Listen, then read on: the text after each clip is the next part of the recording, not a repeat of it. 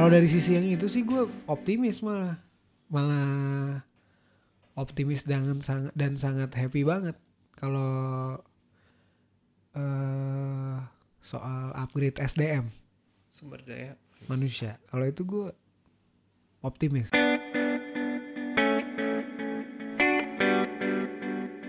Di situ sih gue kayak gue kira pas gue ngeliat itu wah ini achievement gue gue harus lebih baik lagi gitu. Hmm. Pas gue lihat itu kayak apa nih gue gak pengen ini gitu.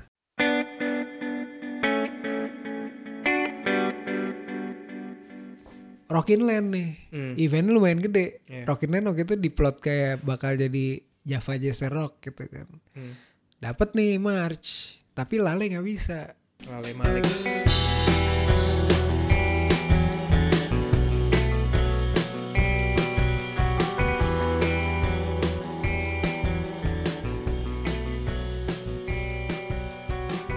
Gue dulu nyari banget hal-hal kayak gini namanya apa. Akhirnya gue nemuin dan gue lumayan digging banget hal kayak gini. Ini masih nyambung sama neurotic lah ya. Iya, Terus akhirnya nyelotek yang kedua Vaporwave banget. Oke. Lu Jadi pelajarin maksud, maksud gue buat background sih. nggak apa-apa. Dan ini udah nyala rekamannya. Semenjak 2016 terutama semua hal yang lo lihat di dunia film, dunia musik itu ada unsur vaporwave sebenarnya. Vaporwave. Nah, Harus gue cek deh. Vaporwave baik secara visual, musik, fashion. Basically vaporwave itu punk, Hmm? tapi Punk. punk. Ya, tapi kalau dulu kan punk kan bentuk perlawanannya perlawanan kepada kemapanan, stabilitas kayak gitu kan. Hmm. Nah vaporwave ini, ini menurut gue ya bukan menurut definisi yang asli ini setelah gue mempelajari yang gue tangkap vaporwave itu seperti punk tapi di era anak-anak generasi kita sih sebenarnya Hmm. anak-anak yang kenal internet eh, komputer dari Windows 98 Ah. terus jadi ada Internet Ex- Explorer pakai speed dial terus eh, Mac Macintosh Ini agak Nah, nine gag gak sih? ada, Ngerti ada gue gak kayak nasi ngerusak. si vaporwave ini ada subgenre subgenrenya. Ah. Tapi secara universal mereka disatukan di kamarnya vaporwave. Ada cyberpunk, ada sea wave. Gue harus cek sih. Kok baru tahu. Iya. Vapor wave. Vapor is Vaporwave. eh, literally vapor. Vape kan. Vapor ya, va- Bukan, iya. vapor. V A P O R.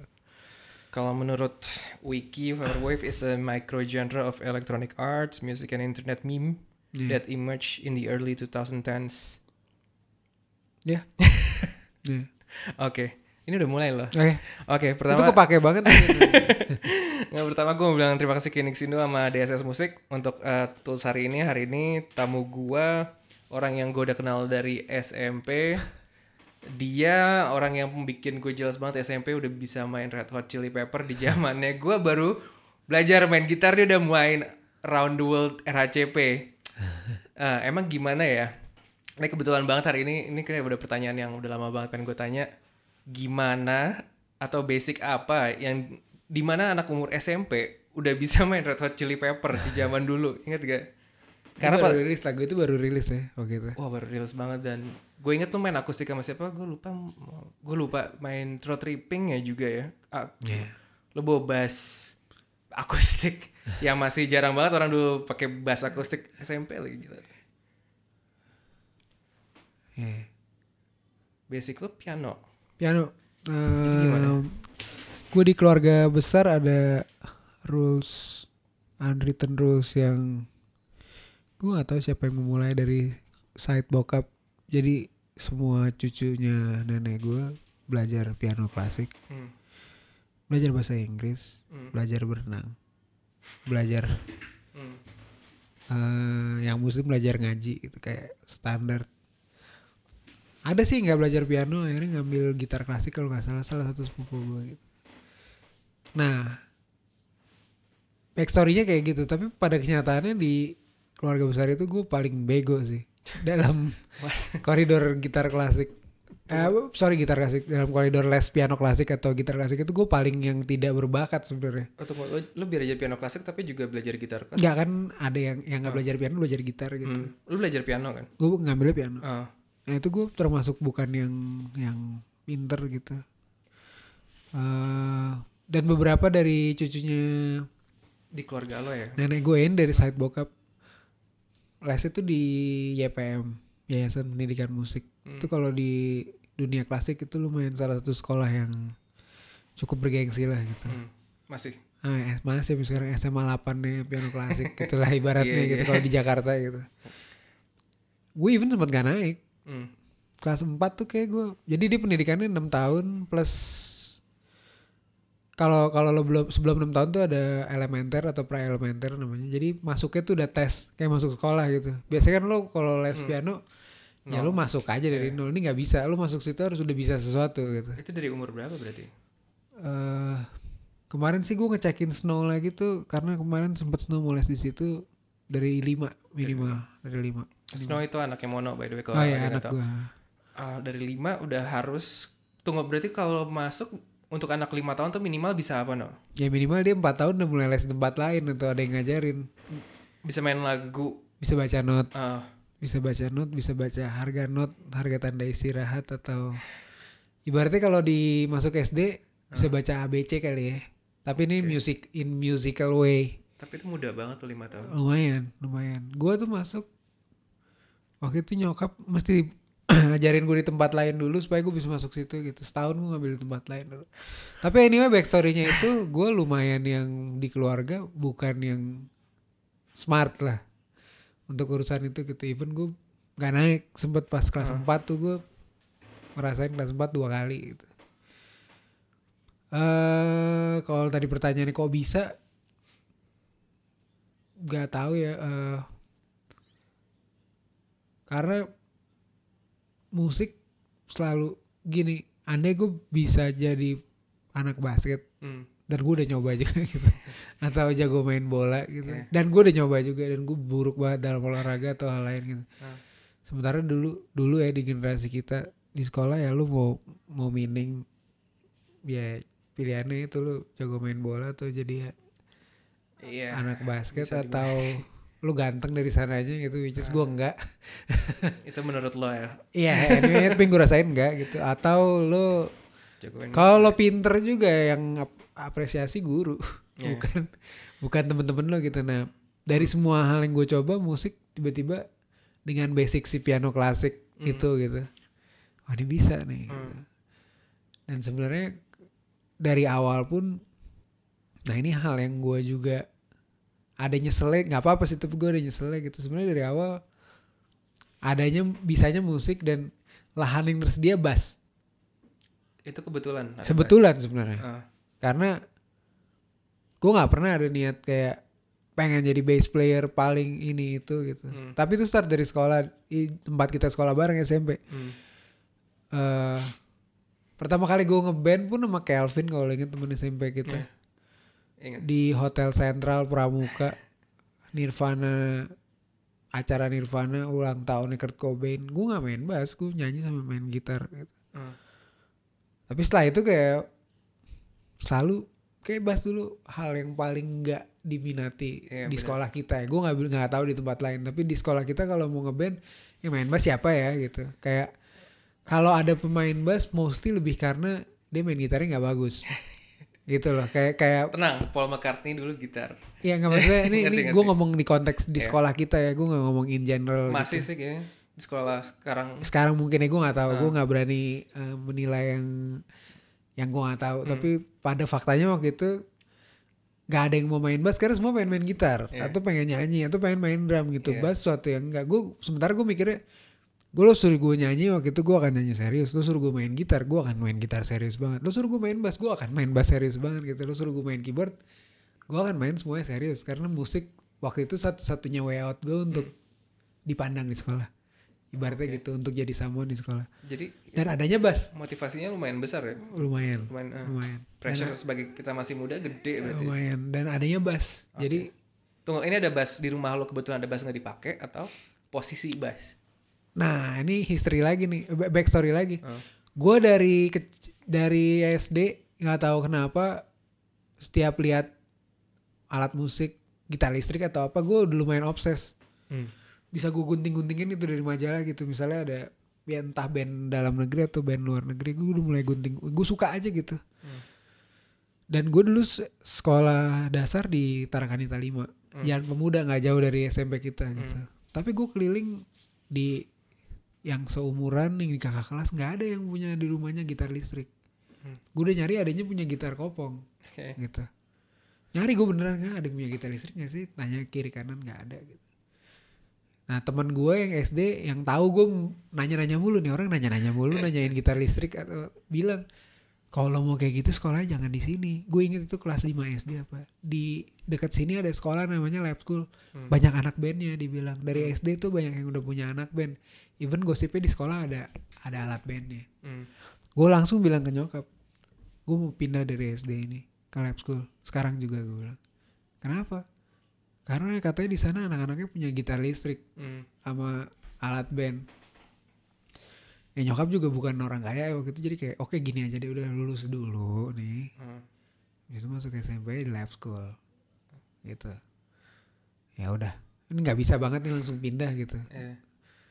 nggak bisa biayanya gede tanggung tinggal setahun dua tahun lagi SD selesai gitu Dan saat itu lagi pengen pengen banget akhirnya ya udah gue minta beliin gitar aja deh gitu.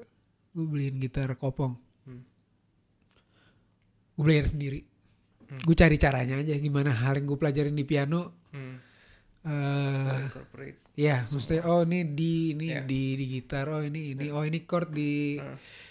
di piano oh berarti di gitar seperti ini bekerjanya gitu terus gue dengerin lagu nanya-nanya sama, sama saudara yang tahu ini yang dem-dem apa ya ini bass oke gue bayangin lu bass narik empat gue cari di buku Hmm.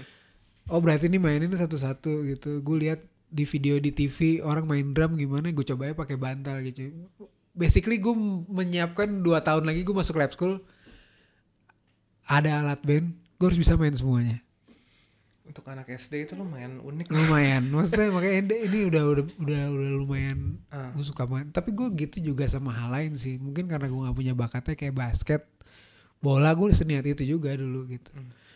cuman Indian kan lu Iya. nggak dikasih semuanya kan gitu Ah. lu lu bisanya apa gitu nah dari pertama kali hari pertama masuk lab school gue inget banget orientasi inget kan Hmm. langsung Ada dia aman. ya kan terakhirnya di hari ketiga yang kita mau dimarah-marahin tiba-tiba ada band-bandan di teater besar Main bunga bukan riff. Iya. Ya kan? Heeh. Itu itu lo bukan sih? Enggak, gue belum ngeband, gue nggak Morris. siapa siapa Morris. ah. Terus dari pertama masuk orientasi, gue tanya punya alat band gak? Gue tanya ke kiri kanan udah kayak Ah. gitu gitu. Jadi di hari ketiga itu gue masih inget banget itu hari yang momentual buat gue. Kita kan lagi dimarah-marahin sebenarnya, dimarah-marahin Iya. tapi end up-nya ternyata malah party band-bandan kan. Iya. Ada Morris sama Anggoro sama Aldi main bunga Nah, yang inget bilang. Nah itu inget banget terus ada Said yang gue waktu itu belum kenal dia main Hmm. sama anak-anak kelas 2 Eh, tunggu dia lebih tua dari kita bukan sih? setahun ya. Setahun kan? Terus yang anak kelas 3 nya Ramaniji, Dede sama Iyas yang which is akhirnya jadi teman-teman gue berapa tahun kemudian even di dunia musik profesional gitu. Hmm. Itu momentual banget buat gue kayak oh ini dia sekolah yang gue cari dari waktu itu gitu kayak ini dia nih, ini tempatnya gitu. Ya udah, pas di hari itu udah gue akhirnya berkeliling aja kelas ke kelas kayak ada Lo belum bisa main bass ada saat itu band. sa- sama sekali. Gue bilangnya udah bisa. Padahal Oh, gue belajar di padahal gue belajar di rumah pakai gitar kopong. Jadi gue Oke. gue nyamperin si Morris, nyamperin waktu itu Panji Panji Triatmojo, dia punya alat band juga di rumah. Dia mau mau pensi yang SMP tuh. Hmm. Ya gue bilangnya gue bisa lu ngajak gue main gitar, main bass gue bisa. Gitu. Which is sebenarnya gue belum pernah megang alat yang sebenarnya. Nah ini yang menarik itu soalnya pas Red Hot Chili Pepper ngeluarin album Californication itu Nah itu kita udah kelas 2 kelas 3 ya. Nah, itu kebetulan nih berarti. Soalnya pas album itu keluar kan orang mulai merhatiin basis. Kalau buat gue ya saat itu ya, ini hidup hidup gue dulu kayak oh basis tuh bisa main gini ya, kayak ngelik Iya, kayak iya. Flea gitu, kayak Tapi sebenarnya tuh dari dulu sih maksudnya kayak Gua- kita gua- basisnya Metallica gitu kan, yang dulu yang meninggal Cliff. Cliff. eh, Iya. gitu. Enggak, maksudnya gue grow up di generasi gue punya kakak-kakak sepupu yang into ya mau nggak mau ya mereka generasi 90 dengerin musik 90 gitu. Kalau lo denger Red Hot yang lama, Blood Sugar Sex Magic terus eh Saigon Kick Hmm. gitu. Atau kalau dulu inget era-era film Encino Man. Zaman kita SD. Gue nggak tahu lo SD di mana. Lo SD di mana ya? Al-Azhar. Kelapa Gading ya? Ah, Bukan Gading. di lab school juga ya? Bukan. eh era itu sempet funky banget Hmm. gara-gara Red Hot gitu. Jadi pas mungkin anak-anak yang SMP waktu itu digging Red Hot karena Californication, gue lebih kayak oh ini band keluar lagi nih. Gitu. Hmm, ngerti. Dan Red Udah Hot tahu. selalu selalu jadi bagian yang penting di hidup gue. Mesti zaman SD mereka keluarin Under the Bridge. Nyokap gue waktu itu belum seperti maksudnya nyokap gue waktu itu gue anak pertama jadi mungkin nyokap gue juga yang masih baru jadi orang tua masih into hal yang ada di lapangan Hmm. makin lama orang tua kan ada yang jadi nggak gitu gitu Ah. dia masih suka beli kaset tuh gitu Ah. jadi ada eranya nyokap gue ngasih Under the Bridge ke gue gue sampai itu salah satu lagu pertama yang gue ini kata-katanya apa sih? Gue nanya ke nyokap gue Hmm. tulisin dong. Gue pengen bisa nyanyinya Dan itu lo main gitar saat itu? Enggak, gue anak SD aja Under the Pengen Bridge. nyanyi aja? ya kayak ini lebih hubungan anak kecil dan kaset dan lagunya. Belum belum gua pengen bisa main gitar atau apa gitu. Jadi begitu berapa tahun kemudian Californication keluar yang tadi lo bilang kok basis bisa gini? Buat gue ini oh ini band lama yang waktu itu gue suka keluar kaset yang baru. Oke. gitu. Lo udah ngikutin itu lama gitu? gue udah tahu itu lama gitu. Which is one hot minute gue juga sempet ngambil kaset sepupu gue waktu itu nggak terlalu hits kan? Nggak ada yang hits di Jakarta ya? Itu Dave Navarro ya? Dave Navarro. Tapi di Jakarta maksudnya nggak ada hits setelah Under the Bridge. Hmm. nggak ada yang hits di radio Jakarta. Eh, Dave Navarro terlalu terlalu bersih mainnya kali ya? ya itu akhir- akhirnya setelah lo inilah Eh. orang punya plus minus ini itu gitu.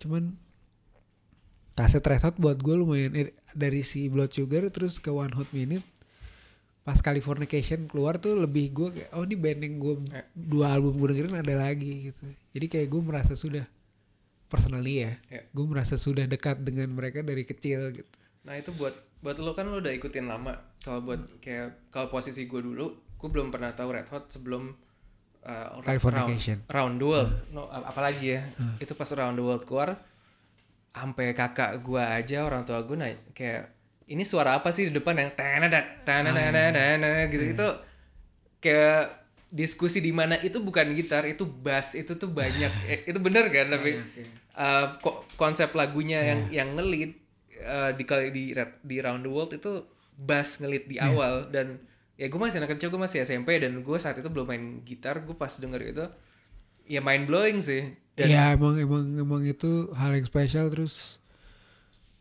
mereka band lama. Ya ini juga setelah kita tahu dan akhirnya cari-cari di internet berapa tahun kemudian ya gitu. uh, Nggak lama kan Woodstock 99. iya Ya kan? Ah. Dan itu kan kalau secara umur mereka udah band tua sebenarnya kan.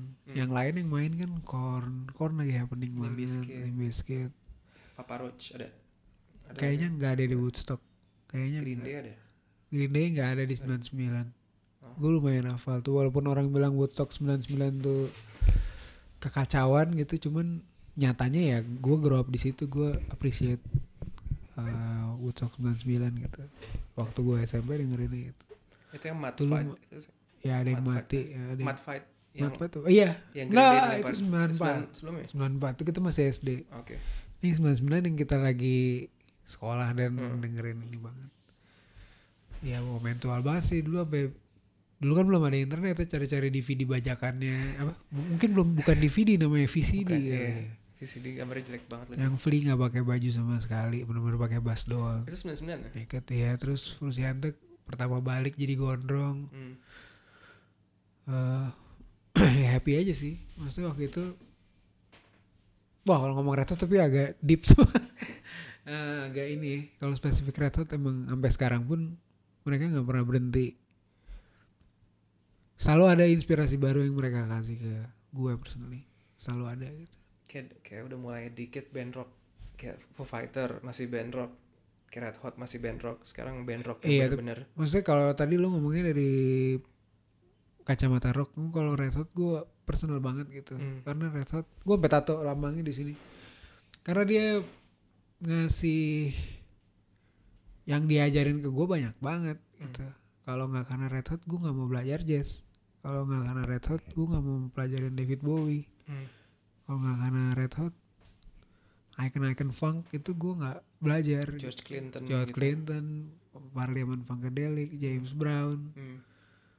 dari lagu-lagu mereka biasanya lo kan sukanya Red Hot dulu. Habis itu lo nyari Red Hot sukanya apa gitu. Iya, ya kan? Iya. mungkin yang gue nggak terlalu gerit sisi punknya aja sih. Gue emang ternyata nggak nggak sepunk gitu. Tapi gue pelajarin juga gitu. Kayak off atau eh, black flag atau apa gitu. tapi mungkin gue personally emang nggak terlalu ke yang Suka punk. banget gitu. ya. Ah, tapi gue dengerin aja gitu. Dari Red Hot juga gitu. Karena Red Hot dengerin gue masa gue pengen tahu gitu Nah dari yang da- dari yang pas baru masuk SMP itu lu belum bisa main bass, itu gimana prosesnya sampai akhirnya akhirnya lu bisa main lagu Red Hot gitu. Yang gua akhirnya nonton lu main Red Hot terus ada Mr. Superstar. Iya Mr. Superstar itu bisa dibilang tribute khusus Red Hot gak sih dulu? enggak sih Enggak eh gue masih bangga dengan band itu karena pada faktanya empat eh lima personilnya Hmm. sampai sekarang masih di musik gue bangga Bara banget. suara salah satunya. ya TJ di Bara Suara Asa gitaris yang pertama di Soul Vibe Hmm. Akbar di Kuno Kini terus dia sekarang nge DJ Said di Black Tit yang sebenarnya Black Tit masih paling mirip sama Mr. Superstar Dia punk. konsepnya maksudnya Konsepnya gila banget. four, four piece Ah. eh, gitar bass drum gitu. Sebenarnya bisa dibilang Mr. Superstar diterusin Said jadi Black Tit bisa dibilang gitu sih secara secara real lo bisa ngeliat spiritnya di situ spiritnya ya. Which is spirit yang kita belajar dari Red Hot bukan masalah tribute buat Red Hot apa enggak tapi band four piece eh, kick ass gitu Hmm. itu kan ya waktu itu kalau anak sekolah aplikasinya ya bawain Red Hot ya bawain Rage Against the Machine ya bawain aplikasinya simple gitu cuman akhirnya pas kita udah gede idenya sebenarnya oke banget sih gitu. Hmm. gitu ya waktu itu Mr. Superstar kayak gitu sih Ya Mr. Superstar dulu gue lumayan ngikutin banget tuh. Gila. lumayan berkesan sampai sekarang Mr. masih, Superstar. masih. dan gue yang nggak mau nerusin lagi pertama ini harus bubar nggak seru gitu karena terlalu nyaman aja cuman bawain lagu orang Ah. Wah. Apa mereka nolak untuk bikin lagu gue udah sendiri? bikin gue duluan yang bikin gue Ah. mana akhirnya berapa tahun kemudian gue rilis di solo gue eh ya mungkin gue waktu itu terlalu terlalu ini ya. Maksudnya gue udah nawarin bikin lagu gue bikin lagu juga cuman kayak yang lain palanya belum ke situ gitu di saat itu. Jadi nggak nggak kayak eksekusi. Sempet juga sih abis bubarin superstar gue sama Said doang pengen bikin. Kita lanjut lagi ya tapi nggak sama Akbar sama TJ Hmm. akhirnya ngajak Anggoro sama Aldi angkatan kita. Hmm. bikin bikin band namanya Noah's Ark bikin lagu sendiri udah rekaman di Sipro 6 lagu patungan gitu. Tiba-tiba gak diterusin gue juga gak tahu kenapa. Udah gitu aja. tapi se- semenjak kayak SMA, SMA gue emang udah ini aim gue ke sini gue pengen jadi ini gue pengen punya lagu sendiri gitu. Pala gue udah mulai beda. Nah problemnya lebih nemu yang mau kayak gini juga di mana gitu. Hmm. nemu temen yang mau punya lagu sendiri jadi itu susah banget gitu Mau punya lagu Ezin bikinnya bikin atau bawain atau lo lebih seneng bikin lagu apa bawain lagu? wah itu be- dua hal yang Beda ya? beda ya beda, Gak sama ya? beda performing performing bawain lagu sendiri atau lagu orang oke oke aja it's all about performing gitu bikin kan beda Funk, Funkop lo dulu ngikutin gak? banget Um, gue gak tau. dulu ya Ya dulu.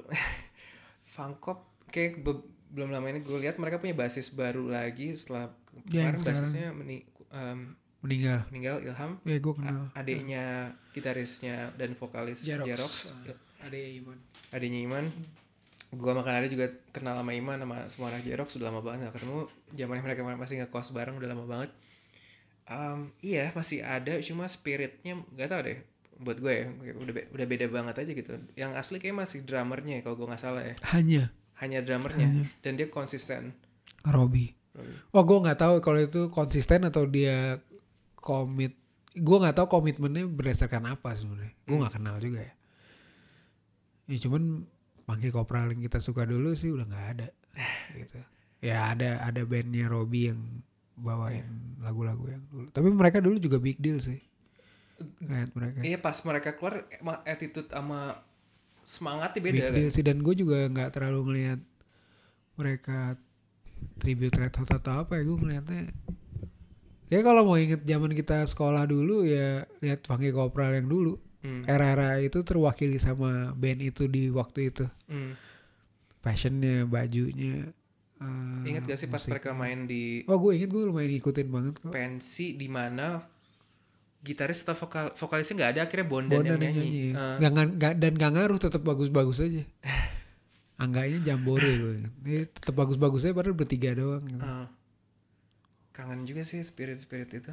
Wah nggak akan ada lagi sih men itu nggak akan gue nggak bilang bagusan dulu bagusan sekarang itu relatif cuman emang ya yang waktu itu waktu itu aja kali kayak, Kayak- anak sekarang lihat Blackpink nggak akan ada Blackpink lagi nanti gitu Iya sih. emang akan selalu kayak gitu sih Tep- ya, tapi kayak Beatles menurut gua nggak akan ada yang Iya bisa makanya bisa nyentuh akan ada Beatles, lagi gitu. mungkin ada orang yang bisa bawain Beatles bagus banget tapi kayak G- G-Plug tau G-Plug. iya nah, tapi itu kan tribute gitu Iya, maksudnya nggak akan ada emang nggak akan ada lagi dan nggak bisa Eh kalau menurut gue itu juga momentumnya kan, Iya. momentumnya semangat orang-orangnya. Orang zaman sekarang suka musik apa sih? Lo nggak bisa recreate itu. Nggak bisa. Gitu. Terus teknologi semua itu juga udah ngaruh apa yang orang-orang lihat. Dulu pas eh, bokap gue SMA TV cuma TVRI yes. Ya kan? Kalau mau lihat apa pun channelnya channel nomor satu TVRI nomor dua TVRI tiga TVRI empat TVRI semua kan- programa dua. Iya, TVRI. Programa satu, programa dua. Mereka kasihan banget ya. Tapi mereka happy happy aja dulu. nah itu dia kayak eh happy happy aja, Happy-happy aja kan? lo tau orang di Korea Selatan punya akses semuanya bunuh diri suicide nomor empat Iya, terbesar nggak di jaminan dunia juga. gila kan negara semaju South Korea Iya. nomor empat atau lima di dunia ini paling banyak bunuh diri Kalau dipikir nggak masuk akal kan. ya logically ya Logically tapi Kita, kita harus lebih ngerti lagi berarti kan lebih ngerti hidup mereka kesehariannya Iya. emang apa sih masalahnya Iya. tapi simple banget kayak kebahagiaan tuh nggak cuma dari maksudnya kayak lu punya duit Iya. cukup lu bisa keseharian begini begitu Ah, setiap setiap ada inovasi yang baru, hmm. ada masalah yang baru juga sih. setuju Kayak setuju dulu dulu mungkin zaman kita sekolah kalau diceritain mau nggak punya hal yang namanya internet lu bisa akses semua hal apa pun lu bisa nanya ada sesuatu kayak kitab suci namanya Google. Bisa nanya apa pun gitu. Dulu kan nggak kebayang Jo. Nggak. dulu nggak kebayang. Dulu kalau ada tugas atau apa mesti mau Iya. tuh mau nanya Pus. gitu. Ya nanya. Maksudnya kayak majalah-majalah yang dulu beredar zaman kita sekolah Hmm. gue juga baru sekarang tahu banyak ngibulnya gitu sebenarnya. Karena kita dulu kan mau nggak mau percaya sama dia aja gitu. Ini kayak high atau Iya, gue nggak mau nyebut merek Eh, sih, cuman eh, maksudnya kayak ke arah sana iya, lah gitu, iya, kayak nggak ada term hip metal di di US. Kita doang Indonesia yang ngerasain karena Uh. majalah yang populer waktu itu, yang lo tadi udah terlanjur sebut, gue nggak mau nyebut. tuh. nah itu kayak cuma salah satu Iya, bikin term, nggak dia sih bikin term itu dia sih. Oh, dia? Ya, dia. oke Yang akhirnya semua jadi ngomongnya itu hip metal gitu. oke Padahal pada saat lo googling sekarang term resminya adalah new metal. Nu, nu metal tuh era yang waktu itu tuh oh new metal. hip tapi nu. Gak ada hip metal Mesti tuh gak NU. ada. Eh, new metal. NU. Iya. mirip tapi kan hip Gak nu. mirip sih. New metal, hip metal jauh secara term. oke Gitu maksudnya ba- banyak waktu itu kita ada ya majalah itu itu doang. Banyak bohongnya juga sebenarnya gitu dan, banyak. dan kalau cewek antara kawanku atau gadis Iya. ya zaman dan itu kita, ya dan kita percaya-percaya aja gitu. Tapi Iya. waktu itu happy happy aja kan gitu. Kalau ditanya waktu itu apakah lo mau ada internet apa enggak lo pasti jawab iya. Pasti lo jawab iya gitu. Tapi sekarang begitu Hmm. kita hidup di ya anak kita nanti grow up nih ada hal-hal yang hilang yang lu dulu gampang kan? Iya. ada hal-hal yang hilang yang lu nggak bisa lu juga nggak mau jadi orang tua yang kayak seruan zaman gue gitu lu nggak mau gitu juga. Tapi lu tahu ada ini ada something missing lu nggak bisa jelasin. Oh. gitu di dunia layar handphone ini gitu. Yang lu nggak bisa jelasin apa gitu Eh, ada yang ada yang beda yang yang positif banyak tapi yang negatif juga Iya. ada dan mungkin jadi lebih banyak gitu mungkin gue bisa bilang sekarang yang positif sebagai positif banyak men semua ngerasain positifnya Hmm. negatifnya mereka ju- Kalau kayak kalau nanya orang eh, negatif internet ada gak? Pasti orang-orang pada oh banyak banget gitu. Positif. Tapi kalau positifnya kayaknya bakal lebih dikit yang bilang kayak eh, banyak positifnya gitu. Positifnya banyak. Ya lu, diem di tempat tidur aja bisa pesen makan, bisa pesen Satu, iya gue Baju. ya, kayak, kayak gue dari itu baju sampai kira- apa juga lu bisa pesen gitu. Iya, lu bisa jam 2 pagi beli baju ya kan besok nyampe. Iya. Tapi yang gue rasain Dan lebih murah. dan lebih murah Dulu karena lu mesti nyari dan lebih mahal. ya. Dan gue ngerasain ini eh, sebagai orang yang pernah belajar jauh dari keluarga. Dulu gue pas belajar keluar itu gue eh, tunangan dulu. Terus gue baru keluar negeri kayak buat ngunci. nggak tahu itu it's- what was a good idea tapi kita udah nikah sih sekarang jadi kayak mungkin it was a Ya good idea lah. ya kan. Udah lewat. Oke, eh, long distance, udah ada Skype, udah ada WhatsApp, udah ada Line, itu ngebantu banget dan itu jarang ada yang ngomongin. Oh ya. Bokap gue soalnya tahun 70 lap- 70-an kuliah ke Jerman, dia ngirim surat baru nyampe seminggu Yeah. ya. Hal kecil itu yang jarang orang ngomongin. Ya. Tapi menurut gue banyak orang Indonesia atau pelajar Indonesia dari dari bagian mana pun yang sebenarnya berhasil dapat edukasi yang lebih baik karena mereka udah lebih berani, lebih tenang karena ada teknologi-teknologi ini gitu. Ya itu kan positif kan. Ya positif. Itu positif yang gue bisa bilang Dan langsung. lu ngerasain Ya, gue rasain. Nah itu bagus. Negatifnya menurut gue, gue nggak tahu bener apa enggak ya, tapi ini Hmm. menurut gue. Dulu lo, eh, tadi kita ngomong resort misalnya, Hmm. atau lu lu bisa menggatlikekan icon-icon tertentu karena unreachable. Yep. Yep. Yang tadi kayak lo bilang Flea atau Kiris atau Ingat Pamela Anderson ingat atau cerita Marilyn Manson yang Tommy bisa Lee. bisa nge- ya atau kan? Marilyn Manson karena Rian Rian sepupu gue tuh yang percaya banget. Iya, tapi maksudnya karena lo dengernya mau tuh mau Iya. majalah juga dua halaman. Ya. Mungkin di ujung-ujung 2000 mulai ada internet tapi juga belum seperti sekarang gitu. Pelan banget. Ya, bukan Ternyata pelannya aja sih. Loadingnya pelan. Loadingnya juga pelan tapi beritanya kontennya, kontennya juga belum juga. ada. Eh, Karena pelan, kontennya juga yang bikin Iya. males juga kan. sekarang since semua bisa lo bikin semua bisa jadi performer. Semua bisa jadi semua mau di atas panggung jadi nggak ada yang mau nonton lagi. Ibaratnya gitu, semua mau di atas panggung gitu. Nah, pada saat semua mau di atas panggung yang nonton siapa? Bahasanya begitu. Paling gue lihat semua mau ke atas panggung, cuma pasti banyak orang yang naik panggung juga takut kan.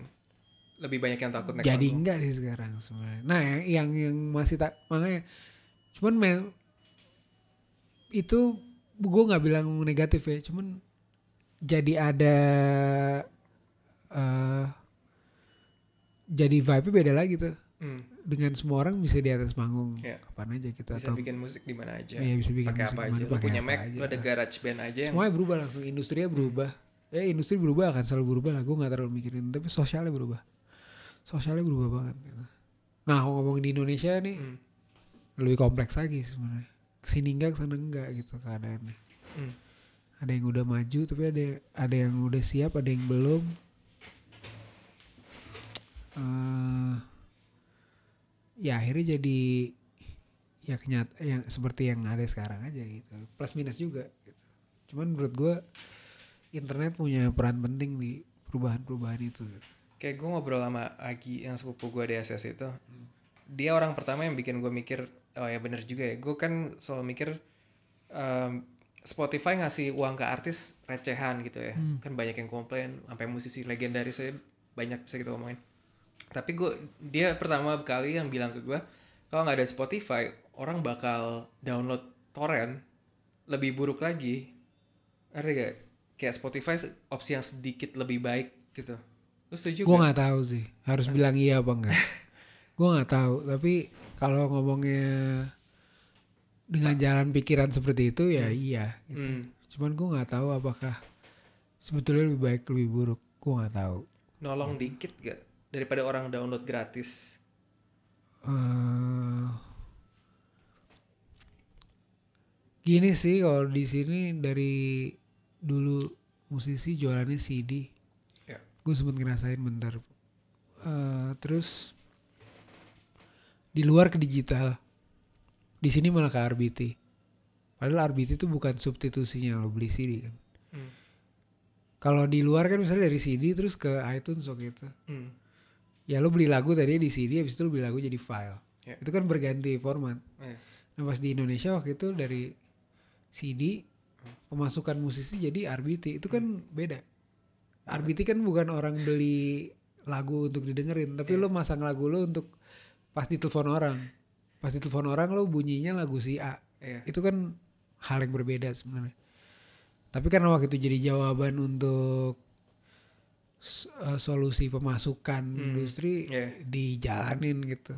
Sementara dunia digitalnya nggak nggak pernah jalan di sini sebenarnya. Musik digital di Indonesia tuh nggak pernah jalan gitu. Nah dari RBT ada dulu istilahnya Black Friday kalau di orang-orang industri yang sedot pulsa ketahuan zaman presidennya SBY Ah.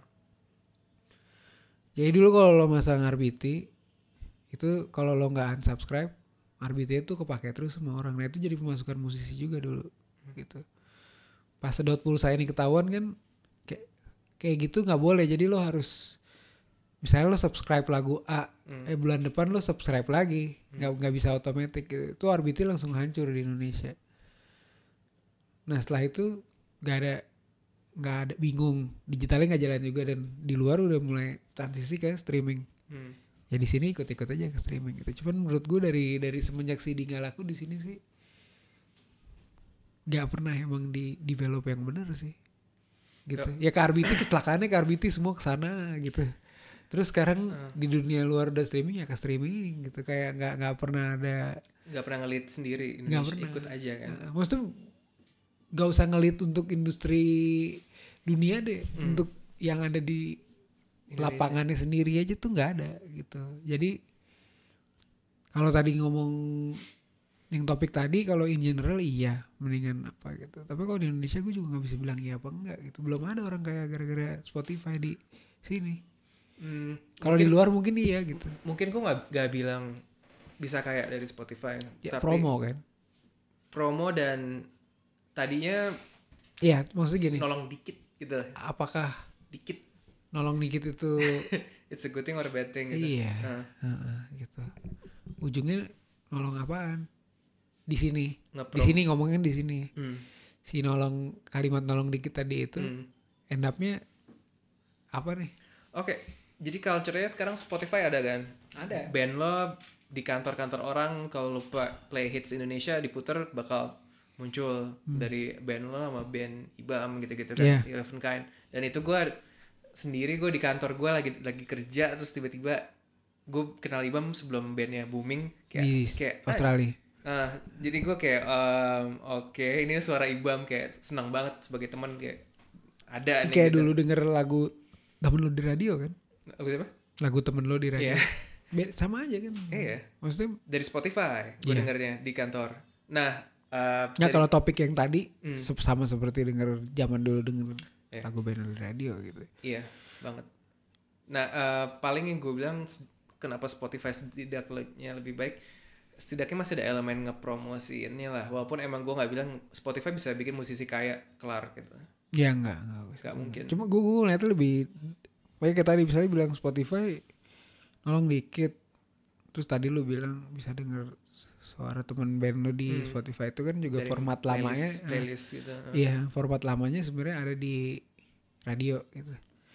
Jadi gue ngeliat rangkaian-rangkaian itu end up-nya secara semua bikin lebih baik apa enggak gitu. Hmm. Nah, kalau gue sih belum lihat Belum lihat lebih baik. lebih baik. Kalau di breakdown satu-satu iya mendingan Spotify daripada iya. Tapi Hmm. secara general semua lebih baik nggak? Nah, gue sih gini-gini aja gitu. Bahkan dibanding zaman CD gini-gini aja. eh lebih susah cari duit kalau jadi anak band. Sekarang Iya, setuju. lebih susah. Lu setuju gak dengan di zamannya sekarang kayak live itu the, the, the biggest way untuk nyari duit? Dari dulu iya, Dari dari, dulu. iya sebenarnya. Tapi eh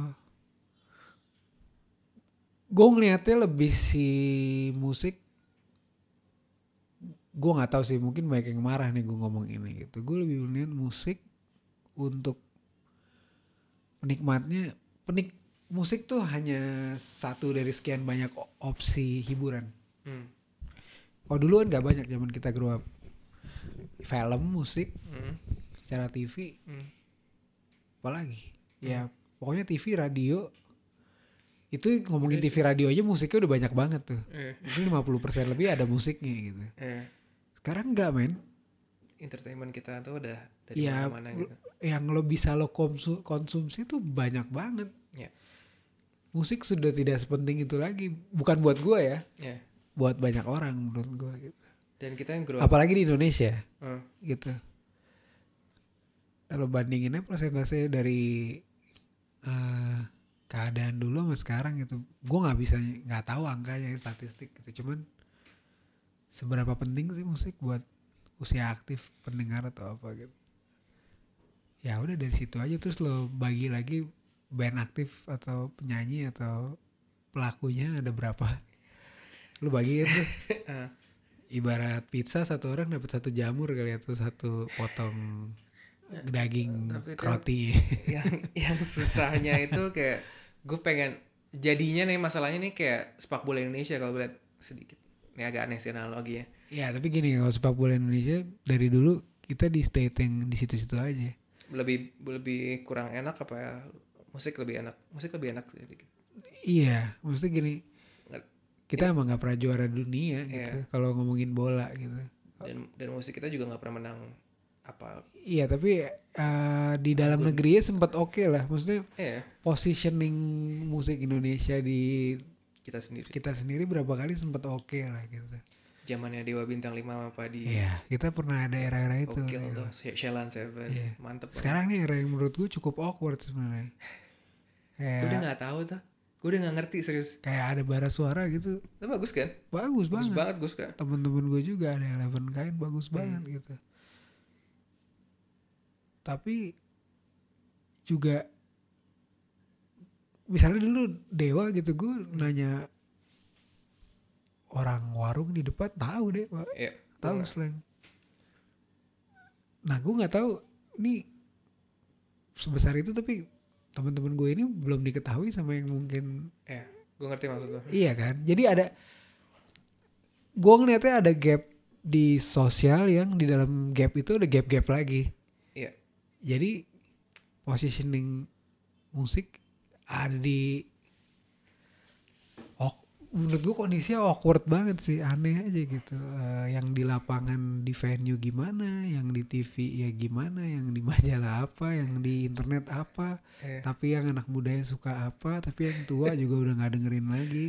Tapi yang di industri juga taunya apa. Jadi kayak nggak ada yang nggak ada yang gue nggak tahu istilahnya apa ya. Tuh lo lo ngerti yang gue ngomongin kan? gue ngerti eh, ini masalah besar aja sih kayak misalnya tadi gue bilang TVRI kan lu nggak ada pilihan lain selain nonton TVRI siapa pun artis saat itu pasti dia lebih terkenal daripada siapa pun ya artis-artis misal Karena sekarang gitu itu. kan Hmm.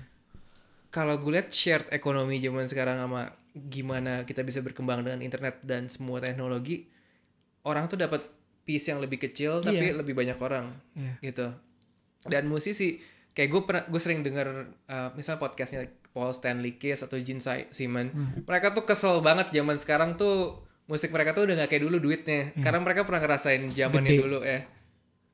Ja, zamannya mereka gede banget terus Hmm. uh, distribusi musik dan semuanya tuh masih masih bikin mereka superstar. Uh, terus Michael Jackson dulu bisa beli jerapah Iya. Oasis bisa Liam Gallagher ada video lucu banget. Dia setahun yang lalu pas dia uh, bikin solo album dia bikin teh sendiri gitu-gitu. Terus dia ke kamera dia bilang ini zamannya Oasis dulu terkenal ya. Gue udah empat orang dia masukin gula sendiri masukin teh sendiri air panas. Sekarang gue rockstar gue bikin ini sendiri. Terus dia bilang kayak ini nih kenapa rockstar mati? Kayak di fuck ya. Kayak kayak gue kayak oke oke gue ngerti Iya, uh, iya. fame sama duitnya tuh emang berubah, Berubah. gitu. Cuma apresiasi emang kayak gue suka musik tuh nggak berubah. Bara suara gue suka banget efek rumah kaca gue suka banget oke orang warung nggak tahu siapa mereka gitu kan Iya. tapi gue tetap suka mereka gitu Eh, sementara sekarang ibaratnya hits eh, lu cinta Luna kan sekarang lagi oh, heboh ya kan atau itu yang ya gue gitu-gitu deh. musisi juga ya dia ngeluarin Oh ngeluarin sesuatu. ngeluarin sesuatu Dalam bentuk musik. dalam bentuk musik terus dislike-nya 500 juta kalau nggak salah. Em, Nah maksud gue hal-hal yang kayak gitu. Iya. gue gue tidak mengikuti Lucinta Luna tapi gue gak ikutin gue iya tapi gue mendengar dia seorang figur dengan 665 ribu dislike. dengan beberapa news. Maksudnya yang tadi gue bilang siapa pun bisa tiba-tiba menelurkan karya musik. Ya. Walaupun gue nggak mau negative thinking sama Lucinta Luna ini, tapi kan itu produk musik. Iya. Dulu pada zamannya sebelum gue juga professionally berkarir ya, gue denger cerita ini dari Ari Lasso dulu. Gue nanya, kenapa zaman lo band-band keren ya? Gitu. Hmm. beda sama zaman lo dibilang. Oh zaman gue dulu yang mau rekaman itu harus bagus banget mainnya. Atau punya duit banget atau dua-duanya dibilang gitu. Kayak gue dulu dewa gue mesti ke Jakarta dulu rekaman gitu ngumpulin duit dan gue latihan banget. Karena kalau udah re- pas rekaman berantakan nih Autotunes. ya pas rekaman berantakan berantakan gitu. nah habis itu kan jadi lebih mudah untuk rekaman gitu kalau sampai sekarang lo nggak perlu bisa nyanyi Iya.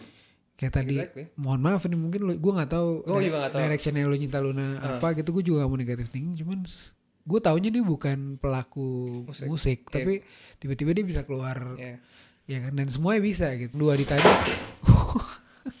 gitar lu jatuh Sorry, sorry. Gak apa-apa. Gak apa tuh.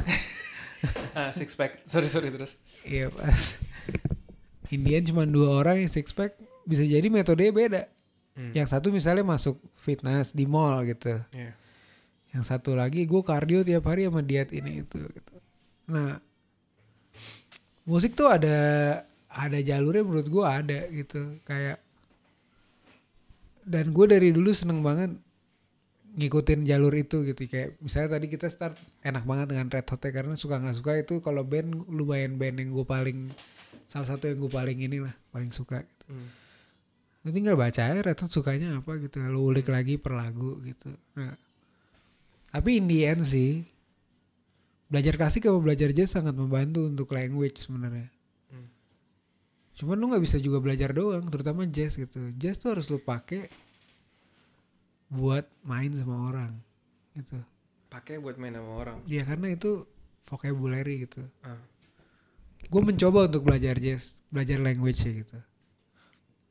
Dan Indian gue tahu gue tidak suka jazz, tapi gue belajar bahasanya gitu, chord, chording, cara komunikasi di panggung, Sense-nya itu kan. sense-nya.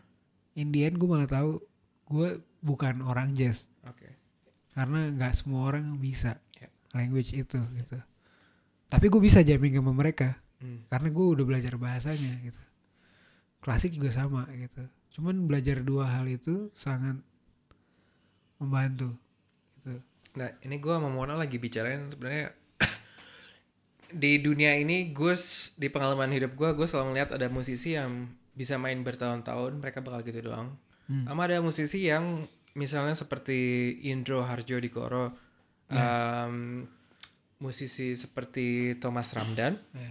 um, Dewa Bujana Dewa Bujana pak dari yang semua lo sebut paling paling gila ya. paling gila. Oke, um, gue yang gue pengen coba ngobrol sama Mono kayak kita tuh sama-sama manusia, kita tinggal sama-sama di Indonesia, ya kan? Kita ngobrol bahasa yang sama, Makan nasi. gimana makan, makan nasi yang sama, ya kan? Ini buat yang denger ini yang lagi belajar gitar, yang lagi belajar bass, belajar piano, apa sih yang ngebedain kayak lu mau sampai level mana nih?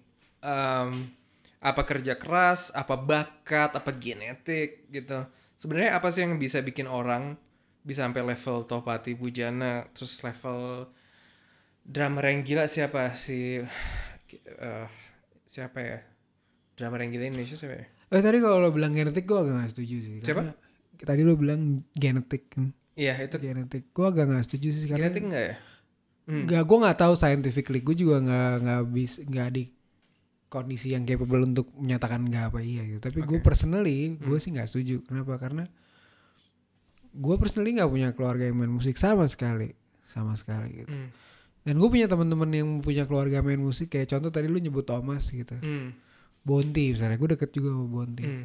Tapi Thomas nggak ngajarin apa-apa sama Bonti. Nggak sama sekali. Sama sekali. Mungkin yang terjadi adalah misalnya plus poinnya misalnya dia berangkat sekolah biasanya ngajarin Thomas misalnya. Gue juga nggak tahu nih Iya, gue iya. nggak tahu. Bisa Asumsi dicek ke Ah, Bonti sendiri. aja. atau di ruang tamu Thomas dengerin lagu.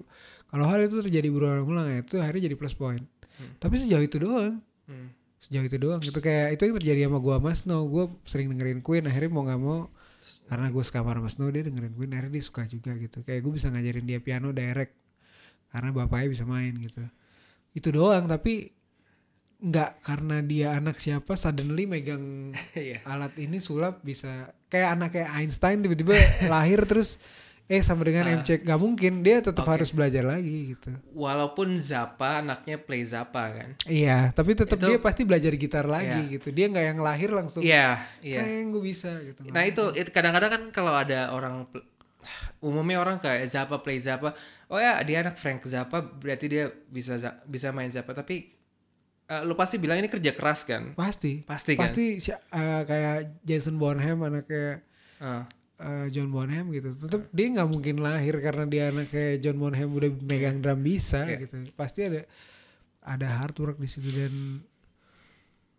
itu tuh bisa dikejar sebenarnya seperti six pack itu tuh bisa dikejar a- analogi banget. six pack masih jalan ya? bisa bisa kayak kayak hal-hal kayak main ini ngomongin ini skill ya Iya. kalau skill tuh soalnya ada ada hal yang bisa dikejar gitu kayak lu pengen main ya. gitar cepet banget nah kalau yang itu beda tuh Iya, iya, ngomongin iya. soul beda tuh Skill dulu, skill dulu. Hmm, ngomongin skill skill, lu pengen secepat Steve Vai gitu. Hmm. Paul Gilbert bisa, gitu ya. bisa, lu setahun bisa gitu. Latihan aja setiap hari 4 jam Latihannya gitu. tiap hari pakai metronom dari pelan sampai kenceng itu bisa gitu. Exactly. Tapi bikin lagu kayak Steve Vai, nah beda soal nih. Bikin lagu kayak Rolling Stone, Iya. beda lagi. Itu Beatles. ya lu bikin lagu pengen bikin Yesterday, beda lagi tuh ceritanya gitu. Iya. Lu butuh eh, ada banyak ada banyak backstory dan banyak Iya. hal yang bisa bikin terjadinya lagu Yesterday gitu. Dan ada ada ada ya rezekinya Beatles punya lagu itu juga Hmm. gitu. Gitu Kak. Tapi kalau yang masalah skill itu kayak tadi gue bilang six pack itu bisa sih.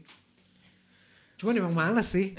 itu, itu hard work banget sih gitu kayak. Gak, ya ini gue pernah ngomongin sama Rian Hamzah gitaris Omelet um, Itu kayak Rian misalnya teman kita, kebetulan saudara lo ya. Hmm. Itu gue yakin ada eranya dia benar latihan banget gitu. Iya, iya. Dan gue lihat dan, dan begitu gue akhirnya gue gue kalau lo keluarga kan, gue Hmm. temenan sama dia lumayan ter, nggak dari dulu. Gue temenan di usia 20-an gitu. Hmm. Gue kamarnya emang dilatihin gitar mulu gitu.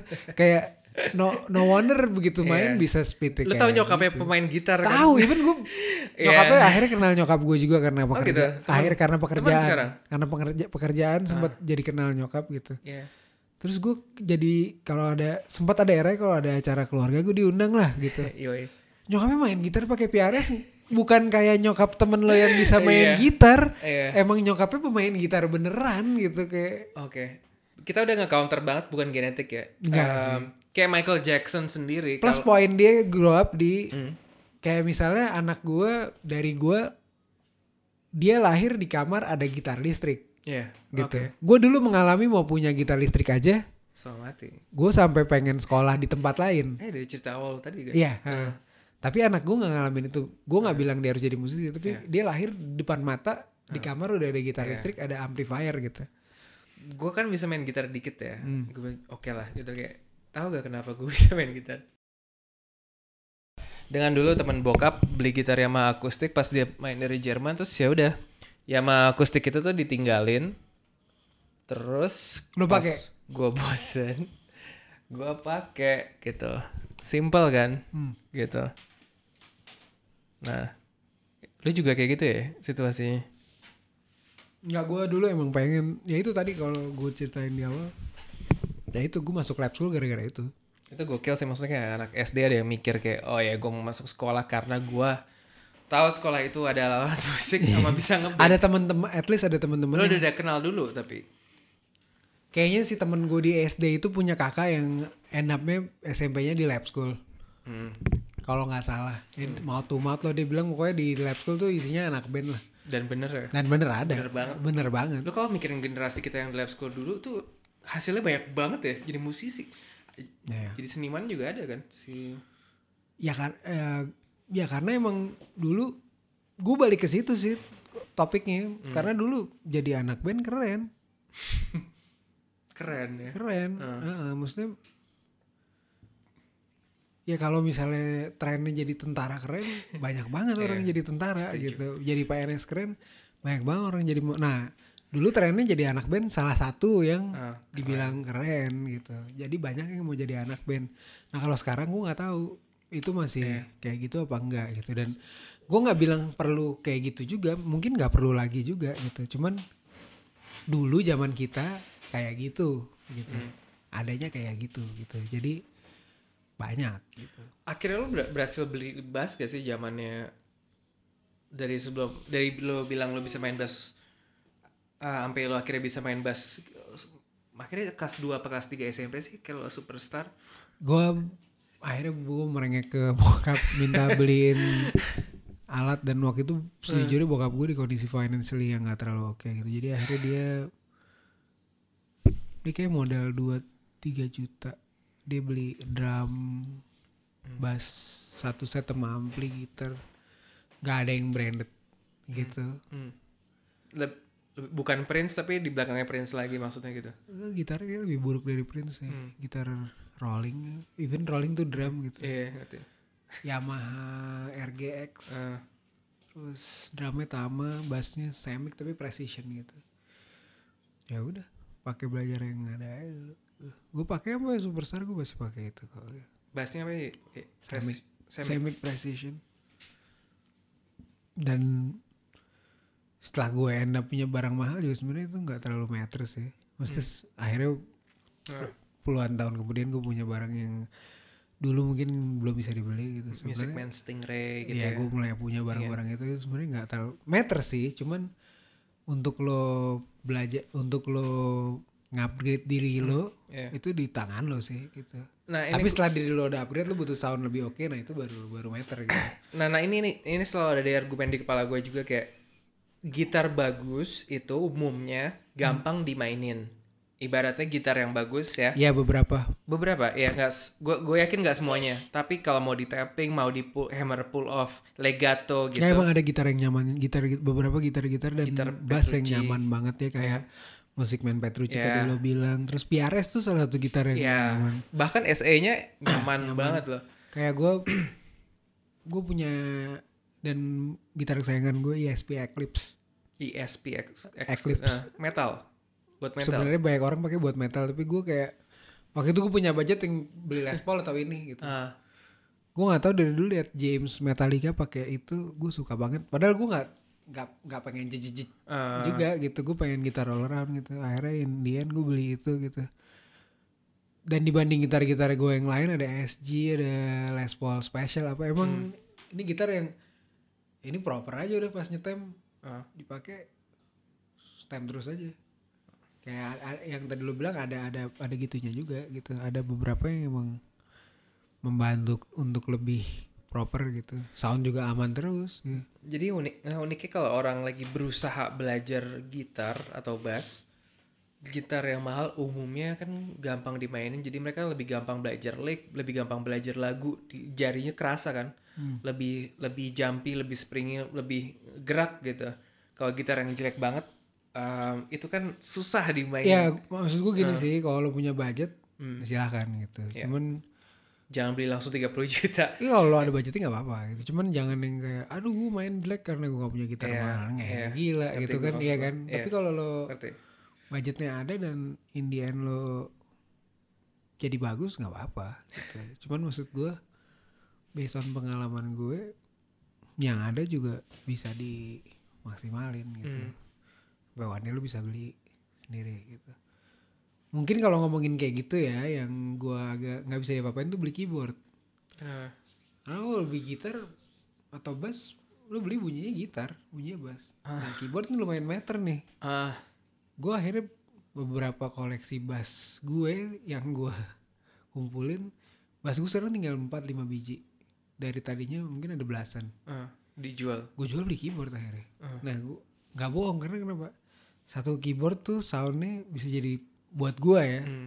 sebagai produser atau di studio gitu bisa jadi lagu yang lebih banyak karena lu keyboard yang satu yang satu sama yang lain beda soundnya Ratusan kan. iya Satu dan beda dan beda gitu lo beli musik man stingray lo beli Hmm. jazz bass lo beli precision atau lo beli bass butik ratusan Iya. juta pasti ada-ada aja suaranya lebih beda lebih bagus Iya. tapi anyway itu suara bass titik Anyway itu suara bass. Ih, suaranya suara bass bunyinya bass Sting. Oh iya, oke. bunyinya Iya, electric iya. bass gitu Mungkin lo beli lo beli gitar 100 juta sama yang paling murah bunyinya gitar Iya. iya, iya, iya. Gue ngerti, ngerti. tapi lo beli synth itu bisa jadi synth bass Itu- bisa jadi effects bisa jadi Bedanya kalau basis ngerti bedanya Stingray sama jazz bass sama flea bass sama lainnya kan. iya tapi Iya tapi bass bunyinya ya, bass. anyway di exactly. produksi misalnya lo rekaman akhirnya bunyinya bass Iya juga bass gitu. juga. Gitu loh yang akhirnya gue kayak ini bass gue eh gue butuh ini doang sih akhirnya gue jual-jualin gue tuker sama keyboard Keyboardnya apa? Moog atau Moog, kayak Moog? gue tuker Moog synth Yamaha yang tua Ah. Yamaha DX7 kayak barang-barang yang lo nggak bisa recreate itu gitu emang butuh barang itu gitu. walaupun ada plugin sih Dan again lu baliknya basicnya hard piano kan. iya Untuk mainin itu. iya. Kayak ke depannya ya anak gue, gue pengennya dia basicnya piano karena bisa banyak. sebenarnya gini sih emang piano itu alat yang dibuat untuk itu maksudnya gini 88 tuts ada di depan mata lo Ya. da- di berbentuk papan gitu Hmm. tangan kiri lo pakai buat rhythm dan eh bassline gitu Ah, tangan kiri dan tangan kanan di tengah jadi harmoni dan rhythm juga gitu. tangan kanan jadi lead dan rhythm juga. Hmm. lo pakai dua tangan lo di 88 kunci di depan lo untuk semua hal yang ini tangan kiri doang nih ini drum. Lo bisa pakai tangan kiri lo bener lo otomatis lo bisa main drum sebenarnya. Lo pakai tangan kiri lo yang bener lo otomatis lo bisa belajar bass. Lo tinggal belajar gimana mencet senar bass yang bener Sakit-sakit ya dikit. sakit-sakit belajar Pencet senar gitu. Iya, itunya Pencet, doang. Ngepetik senar. ibaratnya lo bahasa Inggris udah bisa gitu lo Iya. belajar bahasa Prancis belajar kata-katanya tapi lo udah tahu oh past tense tuh ini Hmm. eh, Future tense. Iya itu ya lu udah tahu gitu. Iya, lu lu belajar bahasa lainnya tuh alat lainnya gitu. Tapi menurut gue ya piano itu perfect sih. Soalnya pertama pertama nggak sakit. Misalnya lu punya anak kecil kan. Iya. Main, kalau lu main gitar atau bass lu ngerasain sakit. Ya sama painful sama senar. Iya. Ta- i- Itu itu nggak semua anak kecil mau ngerasain atau orang tua mau ngerasain. Kalau piano kan lu Gak tinggal- semua anak kecil mau hard work juga. Iya, itu perlu work. Piano tuh bagus, lu tinggal pencet gak ada rasa sakit.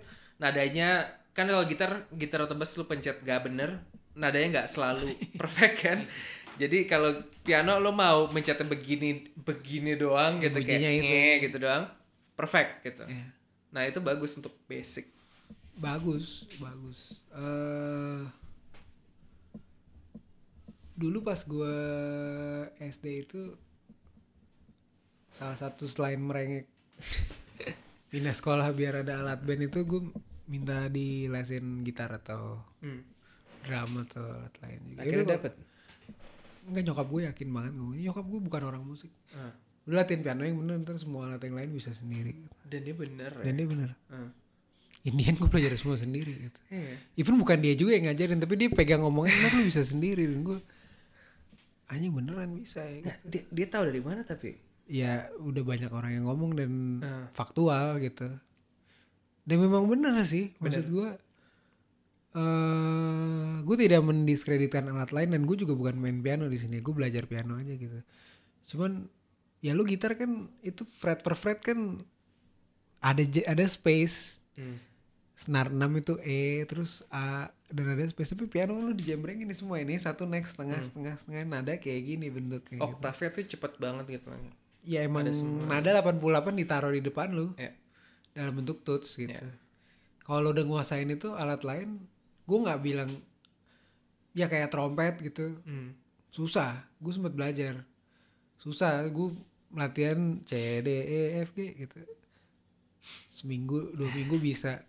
Terus minggu keempat gue, gue kira kayak gitar piano gitu. Ntar dulu deh bibir gue sakit gitu. gue gak usah latihan dua minggu. Bibirnya gitu. sakit ya? Sakit banget gitu, karena mesti nyari tone Nah itu gue belum tahu tuh kayak belajar trompet atau Beda, itu alat-alat dedicated. Kayak gue kontrabas gue pernah belajar.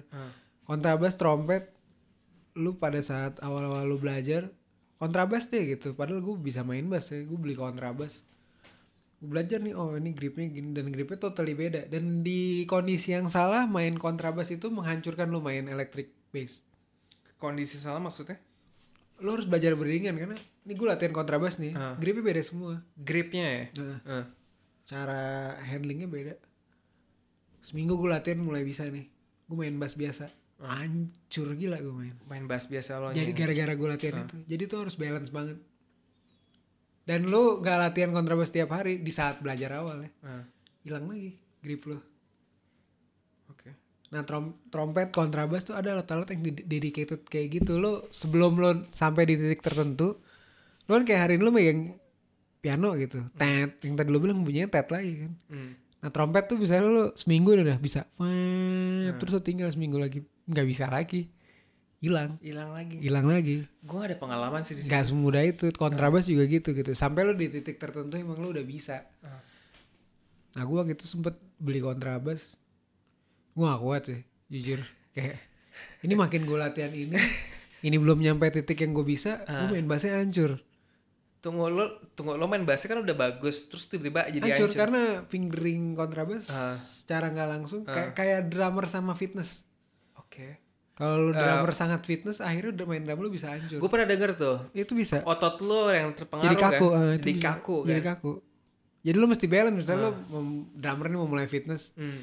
lu harus make sure dapat tengah-tengahnya lu latihan drum juga fitnessnya seberapa kalau lu geber Hmm. tiba-tiba lu terlalu berotot nih beda gitu nah itu yang terjadi gue di kontrabas sama elektrik bass elektrik biasa gitu. Akhirnya gue jual gue beli ESP aja gue beli gitar.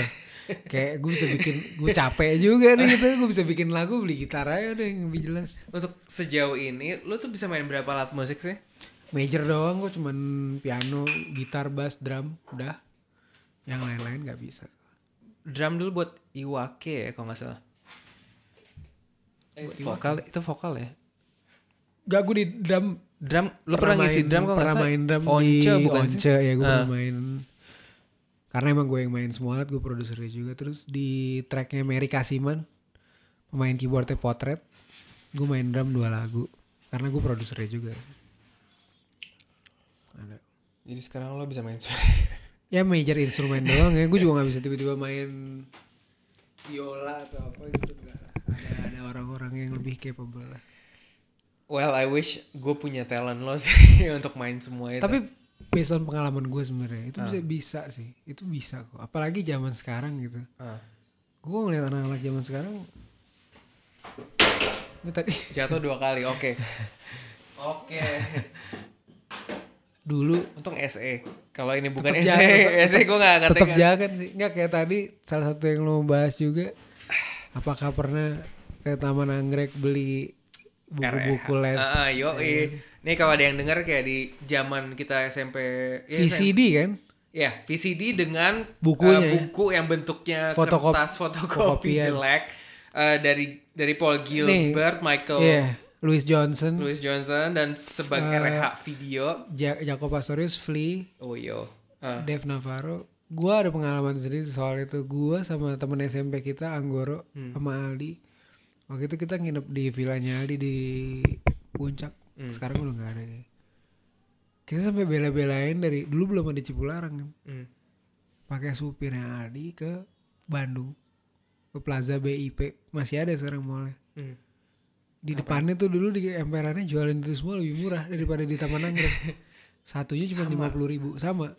Gue beli gue inget gue beli pokoknya gue inget Aldi tuh beli ya waktu itu kan gue di band maksudnya Anggi dulu gitaris gue basis gitu kayak gue beli yang bass semuanya gue beli. Anggi juga gitar semuanya dibeli Aldi yang drum semuanya dibeli itu akhirnya tuker-tukeran. Gue juga dengerin yang drum eh, gitar punya Aldi drum punya Anggi. Itu dulu mesti ngalamin itu sekarang gue cek semua di YouTube ada gitu. Ada udah tinggal lo pegang alat lo beli aja alat murah lo latihan gitu Itu kan romantisnya zaman zaman dulu kita ya, romantisnya. ya romantis karena lo ngerasain kalau buat anak Iya. sekarang dengerin kayak lu ribet amat ya dulu Iya, nggak nggak itu exactly kenapa mungkin generasi kita yang umurnya tiga ke atas eh, ngerasa ini beda karena dulu itu kita harus ke mall, dulu kita harus beli eh, VCD jelek dengan tablatur yang jelek Iya. juga.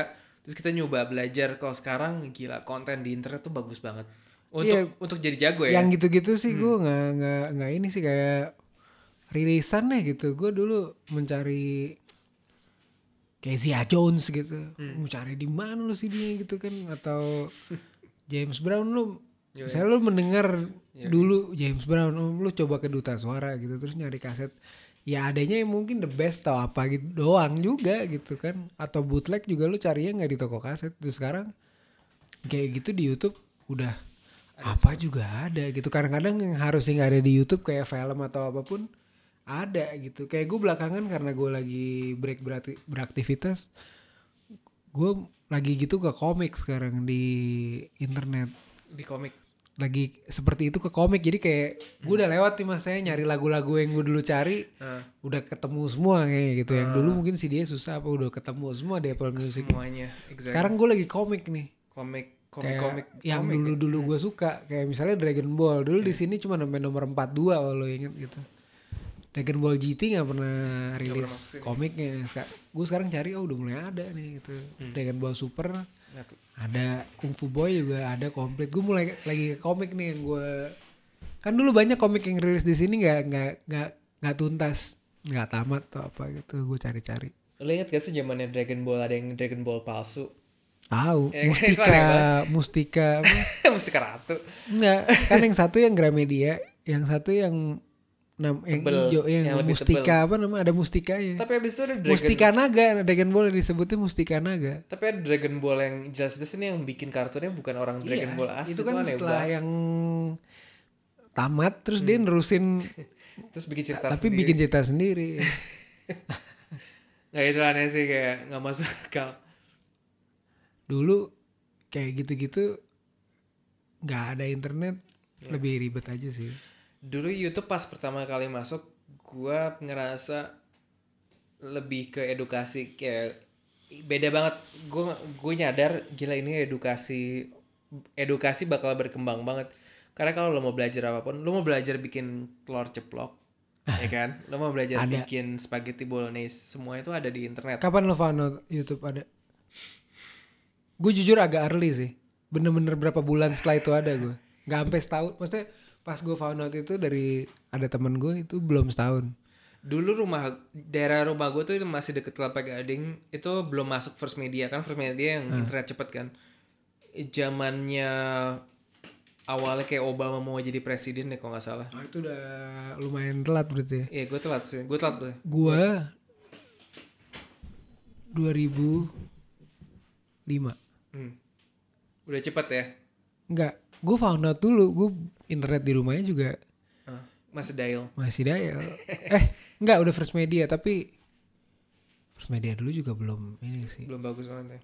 Pokoknya temen gue, gue mulai suka ke aksara gue inget. Aksara buku Wah, store, CD, store, iya. store. Itu kita sama beberapa, gue sama teman-teman kuliah di UI mulai happening kayak block party, Hmm, ya. Feist kalau inget RR itu. CD-CD rilisan, enggak tuh- Feist penyanyi. CD-CD rilisan aksara zaman dulu. Hmm. Kan block party dirilis, LCD sound system, Oh, iya. Feist penyanyi, Itu gue nggak tau. Yang lain gue tau. Resty Feist, ada yang lagunya Inside and Out. Pokoknya penyanyi-penyanyi CD-CD ini itu. Hmm. Pengen nyari live-nya kan. Ya, exactly. Gak ada. Seorang temen gue browsing. Hmm. Ada mulai bootleg di situs namanya YouTube. Dia ngasih tahu ke anak-anak kampusnya. Ada tuh. Mulai orang kalau konser ngevideoin diupload ke sini nih. Hmm. Gitu. Gue buka. Gue cuma nemuin blog party doang gue inget. Dan waktu itu blog party keren banget dan bingung nyari live-nya di mana. Mereka bukan materi MTV. Ya. MTV-nya masih masangnya yang kayak Sum 41 gitu. Masih di situ. Ya. Tapi yang kayak gini udah mulai happening nih gitu dan di mereka ada website gitu. My, MySpace juga ada udah ada kan paling Ya. paling bisa lihat si MySpace doang tapi pengen lihat live ya gitu.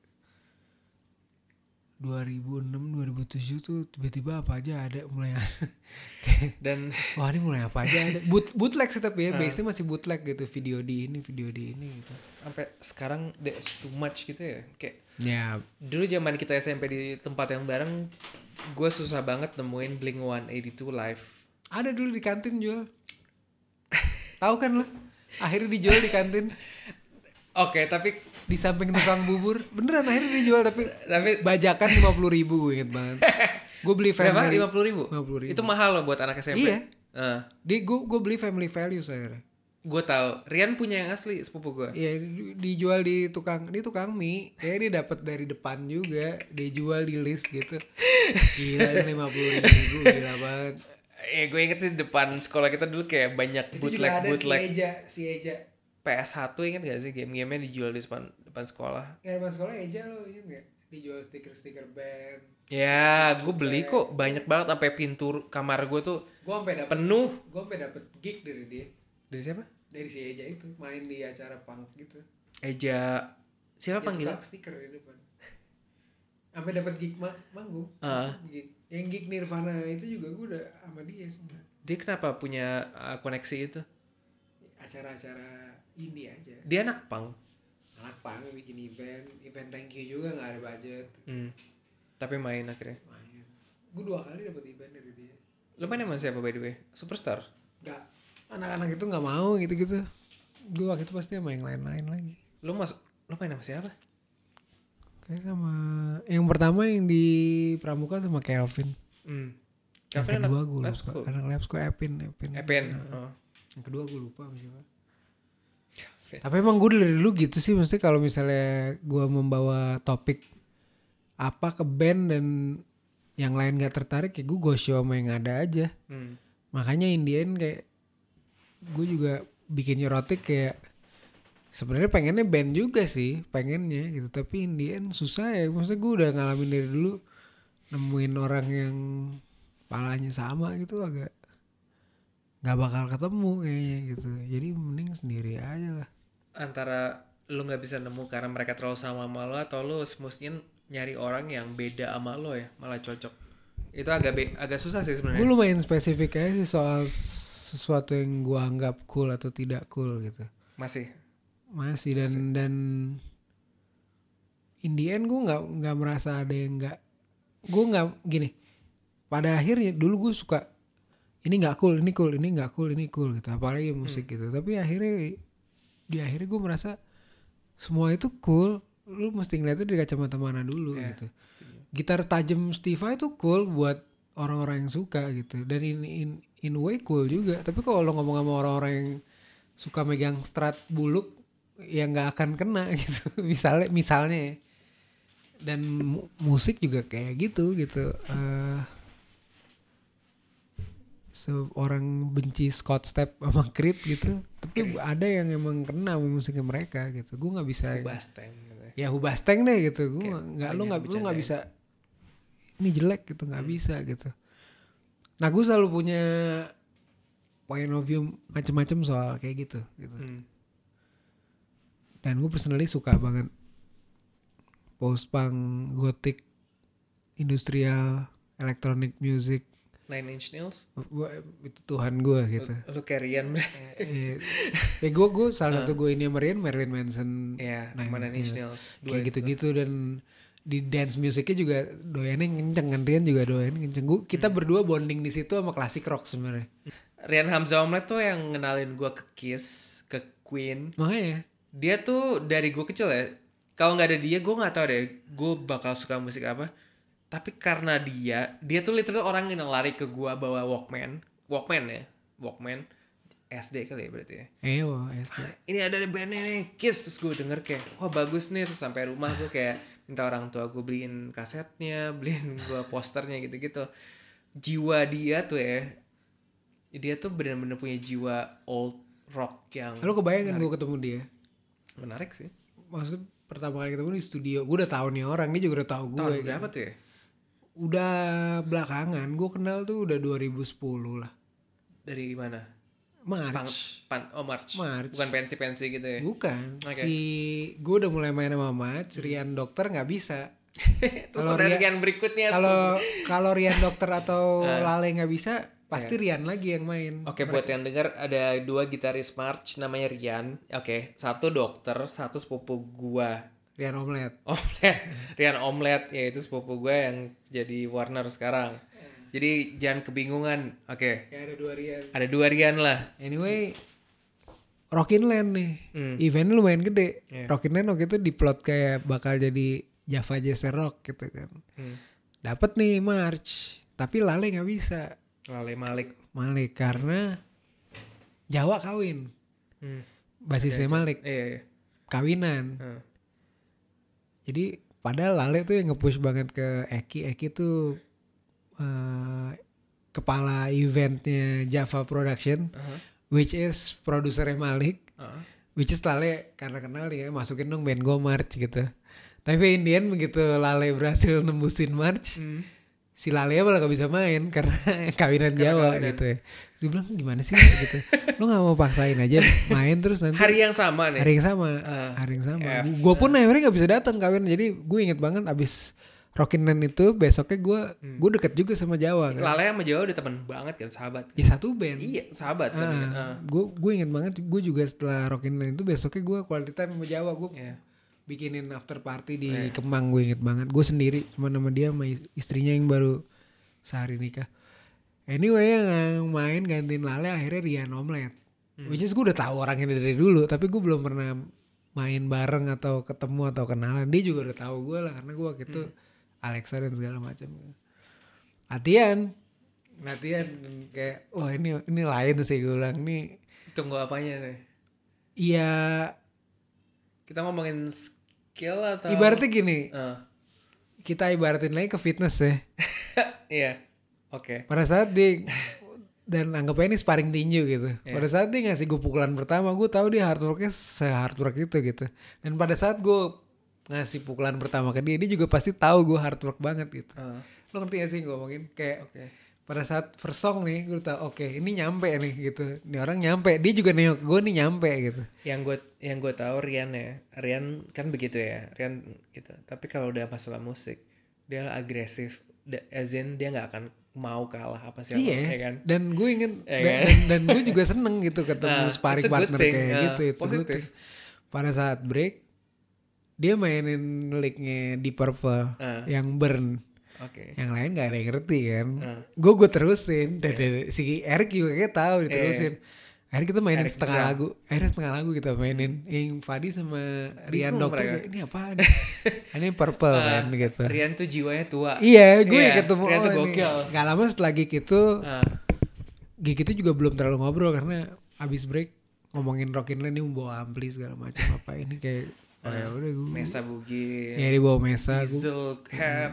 nggak dia bawa mesa ya dia bawa Dia mesa nggak punya diesel. tapi setelah diesel Yan, Yan beli diesel. setelah gig itu beli diesel. akhirnya jadi hangout gue ke rumahnya Sebelum direnovasi ya. Sekarang pas pas lagi dia. pas Pa- RR Berarti itu dia lagi tinggal di rumah lain. Iya. Ya oke. waktu itu lagi cabut dari rumah eh, lagi di rumah yang Kemang juga tapi yang Deket nyewa- banget. deket cuma banget, nah. 5 menit eh, nyampe. lagi era-era itu tuh Ah, terus? waktu itu. Ya gue jadi nongkrong. Jadi dia ke rumah gue gue ke rumah dia yang sementara. Sampai pas rumah yang ini jadi balik lagi Hmm. gue juga nongkrong gitu. Baru tuh Marilyn Manson, Trent, Prodigy, ya, Prodigy, eh, Trent tadi Trent Reznor, Prodigy kayak bonding di situ. Nah makanya gue waktu itu kayak nih kalau ada kayak ini kan gue kayak gini nih, kalau ada satu di Alexa kayak gini seru juga sih, gitu. biar ada yang nemenin gue. Iya. Nggak, Di Alexa berarti nggak ada yang kayak dia ya, yang Kayak taste-nya, ah, taste-nya mirip sama lo. Beda banget ya berarti ya. yang beda, di beda Alexa. semua, beda semua. Nggak, nggak, nggak ke. Iya Fajar dengerin Nine Inch Nails cuman Secukupnya aja cukupnya gitu ya. nggak, nggak, nggak, Nggak passionate kayak doi ya. Ya beda aja sih beda. Gokil sih. Eh Rian gitaris banget juga sih. Maksudnya Hmm. eh gue juga waktu itu pengen ngajak dia kayak pengen ada yang satu yang ibarat tempur dia ada samu. Misalnya lo mau tawuran gitu, ada satu pemain samurai yang emang bisa megang pedang aja ya. Lo ngerti gak sih kayak Ngerti? satu emang jagoan pedang Iya, titik iya. gitu. Jadi kayak urusan pedang nih beres satu gitu. Yang lain terserah deh lo bisanya. Dia kan ibaratnya gitu kan. Dia tuh kayak kayak Michael Jordan, Tiger Woods. iya kayak Attitude-nya tuh nggak eh, bedanya mereka ta- ya Michael Jordan siap tempur gitu, siap tempur siap gitu. tempur dan kompetitif banget Iya. banget gitu. Gue berapa kali juga sempat mencoba ide-ide lain sih maksudnya sebelum gue akhirnya udah sama Alexa tuh gue emang udah pengen memulai sesuatu yang gue nyanyi atau nyanyi sambil main gitar nggak main bass lagi itu berapa kali pengen pikiran banget sebenarnya sama Rian sama Nisa gitu. Pikiran berapa kali. Bikin bertiga gitu. iya maksudnya berapa kali ada ide gitu. Untuk yang sorry untuk gua untuk Nisa mungkin yang nggak tahu Nisa itu Adiknya basis- Rian. adiknya Rian basis yang salah satu sama samurai juga. Dia masuk apa? Dulu ada acara bass apa ya di Cikini yang Bass Heroes. Bass Heroes salah satunya Nisa. Nisa wak- perwakilan wanita. Bass Heroes dia salah satu Bass Heroes Indonesia dari semua Bass Heroes kenapa lo nggak diundang ya beda dulu ya?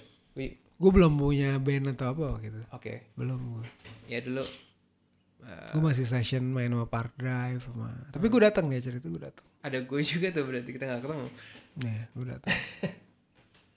anyway ya terus lo bertiga gitu lo sama Nisa Maria. Kayak gue sempet ada ide lah, ada wacana, cuman mereka juga nggak terlalu ya era-era 20-an ya oh ya, ntar ya kapan ya ini apa gitu. Dan gue waktu itu masih ribet Alexa juga. Pas gue udah nama Alexa juga gue bikin neurotik mereka juga udah mulai ribet. Kayak Rian waktu itu berangkat S2 nih nggak salah. Dia S2 dua kali bro. Iya emang dua ya kali. Berangkat S2 ke Inggris. Ya gue kayak cari yang lain aja kali dan lo mau fokus kan setiap project lo Iya, sesuai yang lo bilang kan. Tapi kalau misalnya lo seband sama Nisa kan lo ba dua-duanya bass. Enggak, gue udah mau main bass lagi. Oke sekarang? Enggak, udah gak mau lagi? Gue terakhir main. Ntar dulu deh gue pengen Hmm.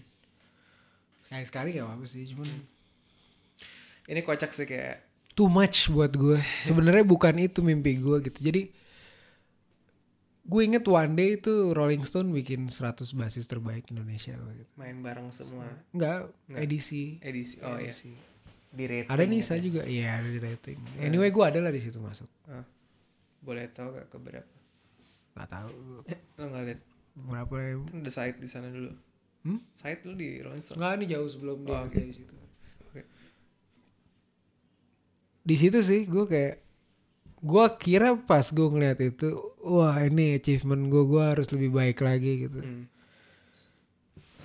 Pas gue lihat itu kayak apa nih, gue gak pengen ini gitu. Hmm. Gue pengen ngelit sebuah band nyanyi jadi songwriter Hmm. dan di daily gue jadi produser gitu. Ya. gue gue nggak pengen jadi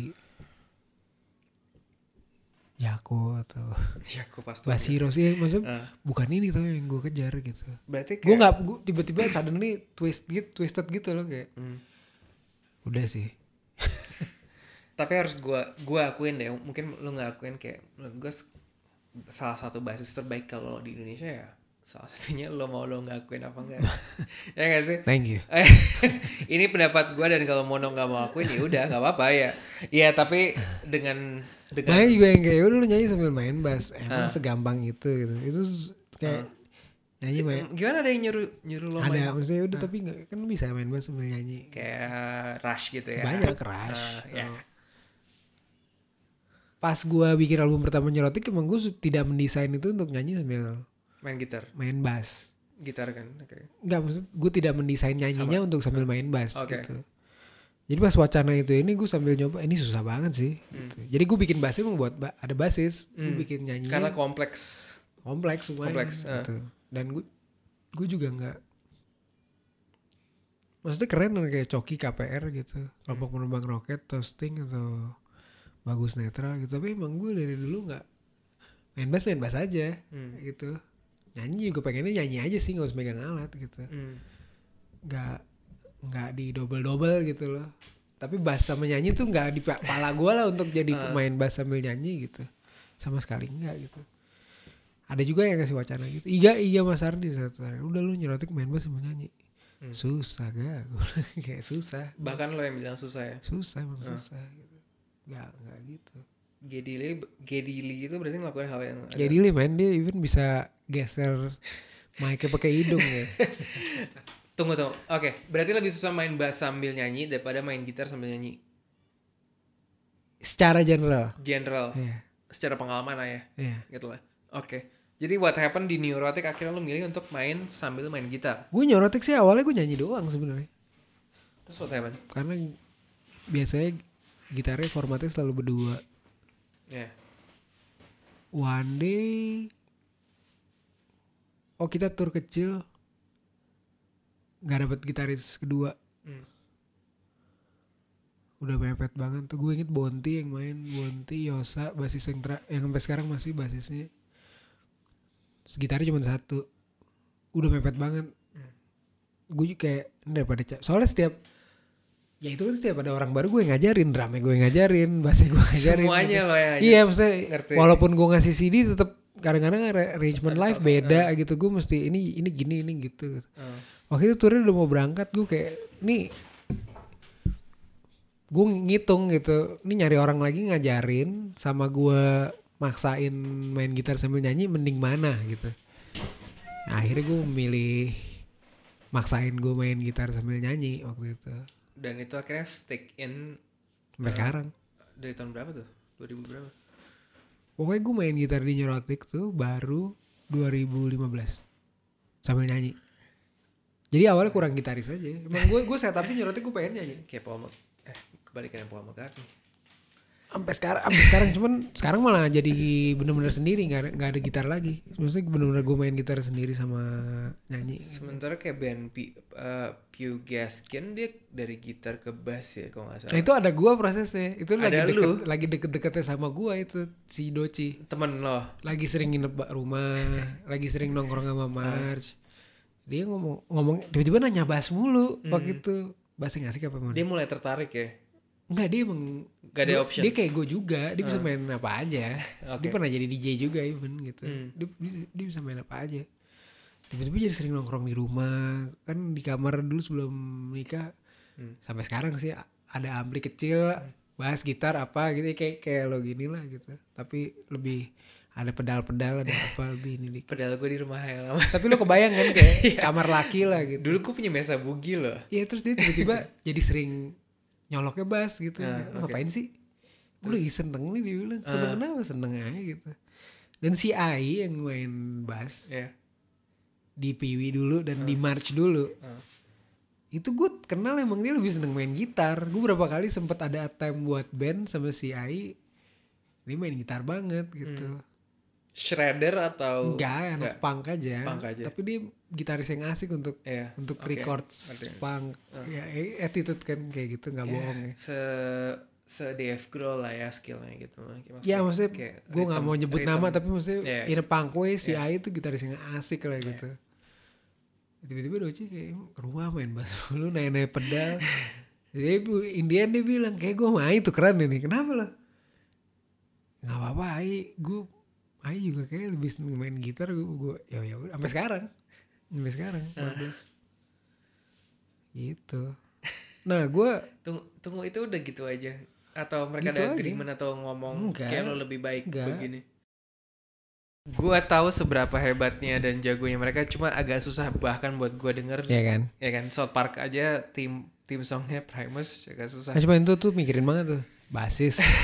Terus kalau tadi sempat nyebut sebelum kita mulai Victor Wooten, Iya. Marcus Miller, dia dedicated ke alat itu gitu. Hmm. Alat itu dia pakai buat nyanyi. Hmm. Ibaratnya kalau dia bisa nyanyi dia nyanyi tuh pakai. Nah buat gue, gue juga nggak yang asal-asalan soal bass cuman buat gue akhirnya itu salah satu elemen yang ya gue mikirin bass seperti gue mikirin gitar seperti gue mikirin keyboard seperti gue mikirin drum seperti gue mikirin nyanyi gitu bahkan kalau ngomongin kayak gitu nyanyi buat gue lebih paling pas bikin ya lebih exciting karena ada lirik. Pas gue nemuin lirik tuh semua langsung berubah tuh. Ada message di situ. Oke. nulis lirik gitu. Dan itu lo nggak bisa pakai alat lain lo harus nyanyi gitu. Nggak nggak ada kata-kata di bass. Nggak ada kata-kata di gitar lo Kayak tadi kan gue sempat cerita kalau sebelum sebelum podcast ini mulai yang gue nonton Oasis Supersonic. Nih, setelah Oasis Supersonic yang baru setahun dua baru setahun kali ya? Wah, nggak dua, hampir dua tahun. hampir dua tahun. Hampir dua tahun. gue obses sama Oasis bisa dibilang super telat. Gue suka hits hits mereka Wonderwall dan segala macam tapi pas uh, dokumentasi Supersonic itu keluar dokumentasinya dibikin bagus banget. Itu bagus banget. Dan kalau lo pakai nggak tahu kalau gue pakai Netflix ini sebenarnya illegal sih, cuman gue gue pakai VPN Amerika. Ah, Nah di Netflix yang VPN Amerika itu yang menunya sebenarnya buat yang di Amerika. hmm. Ada BBC Music bahas Noel. Jadi kalau gue tulis Oasis keluarnya dua sih yang Hmm. Supersonic sama Supersonic sama BBC edisi Noel. Emang dia penulis lagu yang handal aja sih. Iya. Maksudnya dia pun akhirnya nyanyiin lagunya gitu loh Jo. Iya. Nggak lo? Kayak kayak pada saat lo udah songwriting tuh nader uh, lahan yang menarik banget gitu. Nah gue begitu nemuin lirik lagu udah tuh langsung kayak gue mau jadi pemain bass sejago apa juga sih akhirnya orang inget lagunya juga gitu kayak tiba-tiba jadi nggak kayak exciting lagi gitu kayak Mungkin mungkin, mungkin gue bisa ngeliat bedanya gini loh. Kalau kalau Noel kan akhirnya sekarang dia mau jadi frontman kan, ya kan? Noel sekarang jadi frontman. Dari dulu lagu Oasis terbaik selalu dia yang bikin, selalu dia yang bikin, ya kan? selalu dia yang bikin. Dan dia selalu di background ngeritem aja supaya adeknya bisa nyanyi terus gila-gilaan. dan adanya emang frontman aja Emang attitude-nya tuh dari lahir Frontman, frontman, ya, frontman. Emang tai gitu, gitu kayak emang teriak ngerus nyusahin zamannya unplug inget gak? Yang nggak yang, mau. yang zamannya dia ada di atas Di atas, mau ya. nyanyi, Iya. Noel akhirnya main kayak Iya, adiknya nggak mau main itu ada di situ gitu Iya, kan, iya. kan? Itu kan Iya. it- itulah Liam Gallagher gitu kan. nah sekarang eh, perubahannya itu dari Noel akhirnya sekarang frontman gitu. Iya. Ya itu dua sih. Kalau tadi lu bilang Supersonic itu buat gue ngelihat Brit Britpop War Ah, si Blur sama eh tapi tadi tadi kita bahas lu belum nonton juga lu belum nonton ya eh gue belum nonton. nggak itu emang makanya kalau sorry tadi ada yang gue belum poin gue yang belum gue, gue sampaikan. Setidaknya Noel itu gak pernah jadi gitaris jago atau yang nggak pernah. ya kan? Nggak. tapi lo eh oke ini gue dari opini gue aja ya kalau Iya. ada yang nggak setuju ya udah nggak apa-apa kayak lo bisa tenggelamin lo di kali sunter kalau menurut gue lo achieve di mana level lo jadi basis menurut gue salah satu terbaik di Indonesia ya iya dan di po- gue yakin ada jutaan orang Pengen. yang setuju gue yang setuju sama gue oh iya dan sekarang lo pindah ke posisi songwriter, produser dan banyak lagi gitu. ya gue gue seneng cuman gue seneng cuman Bukan itu mau lo kan? bukan kadang-kadang orang tuh expectnya gue itu aja. Oke. kayak gue bikin nyerotik nih. Ngerti. gue masih ngerjain bahasa juga gitu. Mungkin live nggak gue yang main gitu. Gue nyanyi. Ya mungkin di awal-awal gue belum megang banget jadi penyanyi jadi su- suka off pitch kadang-kadang atau apalah gitu ya. Tapi orang kadang-kadang outputnya udahlah main bass aja. Nah itu yang gue nggak suka ngerti? kayak gue udah melakukan itu gue masih melakukan itu juga tapi kadang-kadang orang dengan gampangnya lu main bass aja udah kenapa sih gitu Kalau- loh Kalau lo mau bagus untuk sesuatu lo perlu proses kan? Iya. Ya kan? Ya kan? Tapi gue ngerti sih gue. itu yang bikin gue jadi gue nggak mau kasih dulu deh gitu kalau nggak nggak kelar kelar soalnya kayak, kayak setiap gue bikin apa ke situ lagi ke situ lagi ke situ lagi gitu gue padahal punya punya banyak mimpi baru yang mau gue deliver di musik juga gitu itu aja sih. Kalau dari perspektif itu ya gue bisa ngeliat sih kayak Iya lo jago di bass Iya lo salah satu the best Tapi dan sebenarnya gue nggak sebagus itu juga sih eh, Van. Kalau lo ngeliat kayak anak-anak sekarang ya ya gue nggak mau nyebut nama lah gue nggak mau promo atau apa tapi bagus-bagus banget gitu. Maksud gue waktu itu gue bisa dibilang sebagus itu tuh momen. Momen maksudnya eh sebagai pemain bass gue muncul di era yang tepat saat yang tepat dengan performer yang tepat. Dari gue session sampai gue di Alexa gitu semuanya pas aja gitu. Jadi kayak hype-nya tuh oh dia ini banget nih gitu. Gue ngeliat anak-anak sekarang sih jauh men. Keren-keren banget gitu. Yang eh bukan skillful aja ya. biasanya yang skillful nggak asik gitu. Iya. yang jadi akrobat Ya akrobat gue paling gak suka tap, ini tapping ini ya gitu. ini sekarang yang akrobat pun asik gitu. Hmm. banyak gitu yang udah udah bisa akrobat gitu berarti bisa satu-satu gitu. Dan emang enak mainnya gitu. Eh gue sih nggak bisa kayak gitu, gitu. Jadi gue juga kayak kalau gue kalau gue pemain maksud gue jiwanya di situ pasti ngeliat ada anak-anak baru gini gue terpacu nih kayak gue main bass lagi. Gue sama sekali enggak gitu. Hmm. Gue tetap masih terpacu neurotik bikin lagu yang bagus dengan gue nyanyi di situ. Nah itu belum sampean juga gitu. Lebih ke situ sih. Tapi ya mungkin karena gue nggak ada kredibilitas musik atau background yang lebih yang bisa dijaga. Tapi kalau gue nggak denger lo di track misalnya Alexa atau yang lainnya gue gue tahu ini lo yang main gitu tapi ya kan? Dan karena karena gue bukan Ari Lasso atau Indro Harjodikoro kayak ini gak ada kredibilitasnya. Tapi itu sih yang ngebedain ya kan? Signature. Signature lo ada dan menurut gue menurut gue menurut gue menurut gue menurut gue nggak apa-apa daripada ini mending menurut lo. Jadi emang subjektif gitu. Anyway. Sekarang lo bisa belajar di YouTube bahas cara main bass yang jago dan sebagainya macam tapi musisi yang beneran tuh menurut gue nggak sebanyak itu sih. Di sini ya oke. Okay. ada yang jago ada yang punya signature ada yang virtuoso gitu kan. Lo nggak bisa nyamain um, gitaris atau uh, basis seperti Indro Harjodikoro atau siapa yang lain. Uh, Dewa Bujana. Kenapa sih nggak ada nggak ada 100 orang yang kayak Dewa Bujana gitu loh itu tuh bukan masalah cuma latihan Yeah, yeah. bukan masalah latihan influence atau apa. Itu ada sesuatu lagi yang beda lagi kenapa mereka tuh bisa Yeah. sampai level itu. Dan mungkin sampai sekarang gue dari YouTube jutaan video gue masih belum ngerti juga kenapa nggak ada yang bisa jadi gitu aja. Bahkan John Frusciante aja banyak yang bilang nggak jago kan.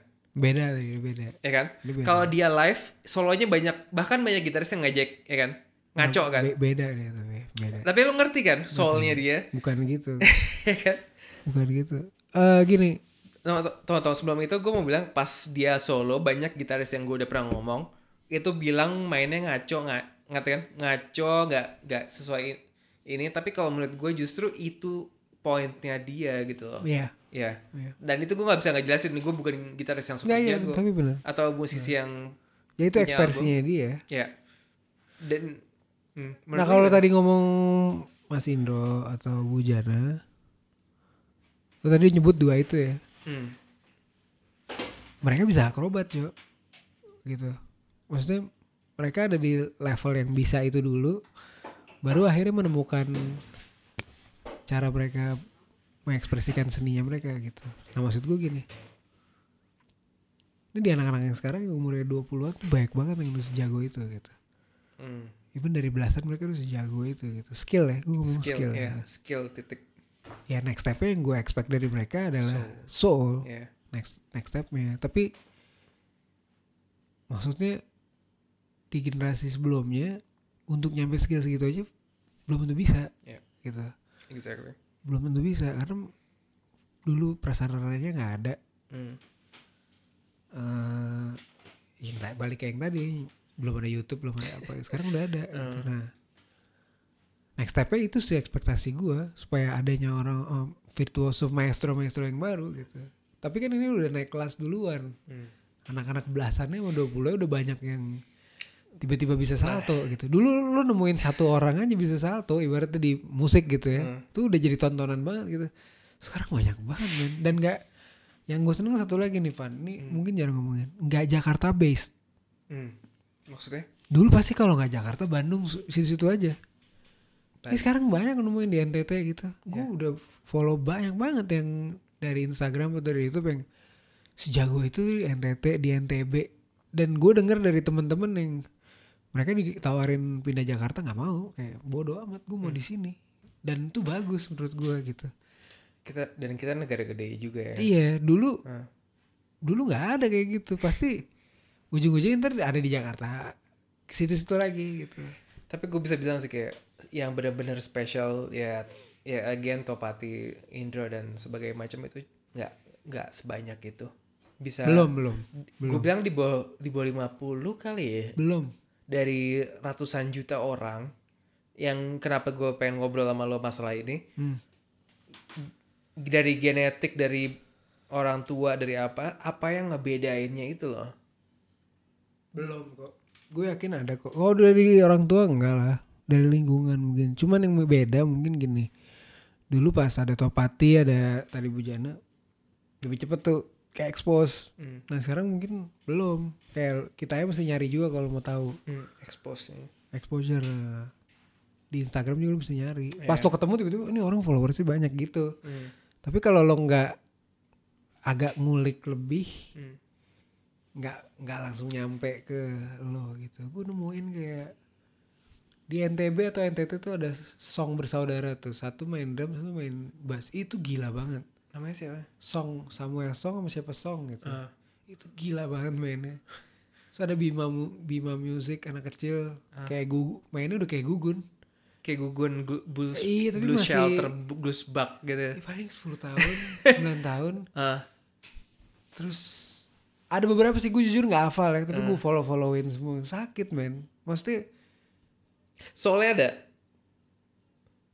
kalau misalnya belum segitu ya gue juga yakin dalam 5-6 tahun asal main terus Oke. jadi akan ada gitu Tapi lu berarti nemuin. gue mikirnya gini bujananya umur segitu belum tentu udah main gitar Oke, ngerti ya. mereka udah udah earlier nih gitu Iya. topati umur What segitu will happen gitu. iya Ah. dan gue nggak setuju kalau lu ngecap ininya sekarang maksudnya eh, ah ini belum. Hmm. sekarang mungkin Oke. gitu. Tapi mereka mulai early. Ntar pas mereka 35 mereka udah ngapain gitu loh. Gitu loh. Kayak gue punya temen yang sekarang teman baik gue udah lama gak ketemu si Raffi drummer. Hmm. dulu eh, Raffi and the Beat dulu terus Art of Three. Dia umur 8 udah rekaman sama Harvey Mason foreplay gitu dari kecil dia udah drummer ajaib gitu Hmm. pas dia dia beda 10 tahun sama gue gue sekarang 33 berarti sekarang 23 gitu pas dia 21 dia udah jago banget gitu Dia kan pada sebaya nama Rian deh. enggak enggak Enggak ya? enggak beda beda scene beda tongkrongan juga Oke. Ini kayak dari 21 ke sekarang udah bukan skill yang dikejar dia nyari dia apa gitu Hmm. musik yang dia kejar tiba-tiba nongkrongnya sama anak house sama anak tapi justru pada saat lo udah megang skill duluan lo mencari jati diri tuh lebih gampang gitu dibanding ya plus minus sih dibanding lo nyari itu sambil masih workout nih ya. nah itu yang gue lihat di anak-anak sekarang mereka early untuk itunya untuk skill atau apa nah itunya jadi bisa di di spend waktunya lebih spes- spesial gitu. Nah sekarang kan kebalikannya sekarang anak-anak sekarang yang muda mereka tuh punya, banyak akses untuk belajar lebih cepat. Mereka bisa jauh lebih jago, punya skill ya skill bukan soal ya.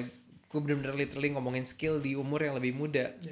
Tapi apa yang terjadi untuk beberapa tahun setelah itu, apa mereka bisa dapat soul itu tuh gue nggak tahu.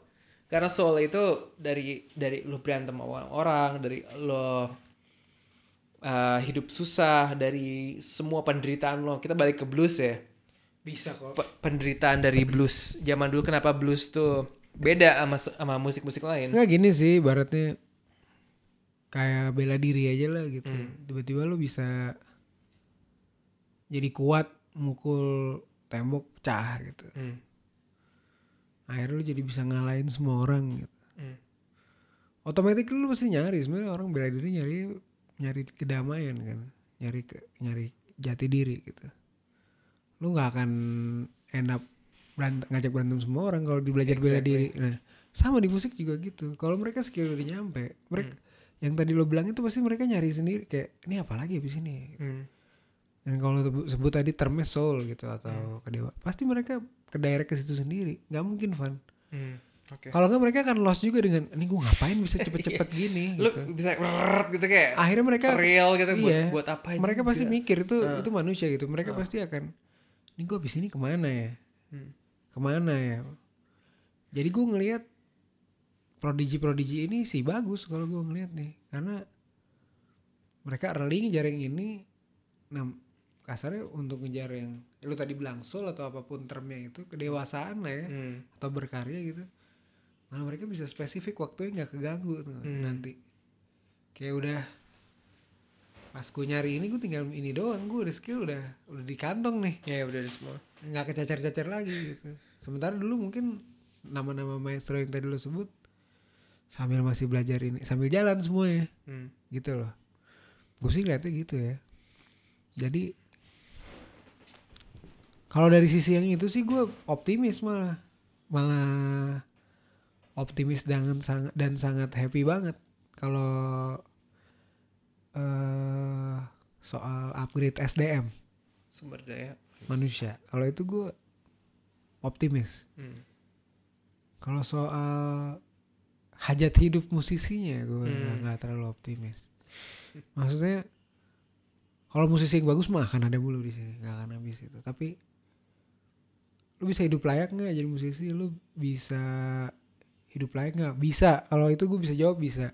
Seberapa layak? Hmm. Sama sama pegawai bank, Hmm. sama PNS, atau sama sama bos perusahaan? Hmm. Nah itu gue belum belum pede tuh di bagian situ. Ngerti gak lo?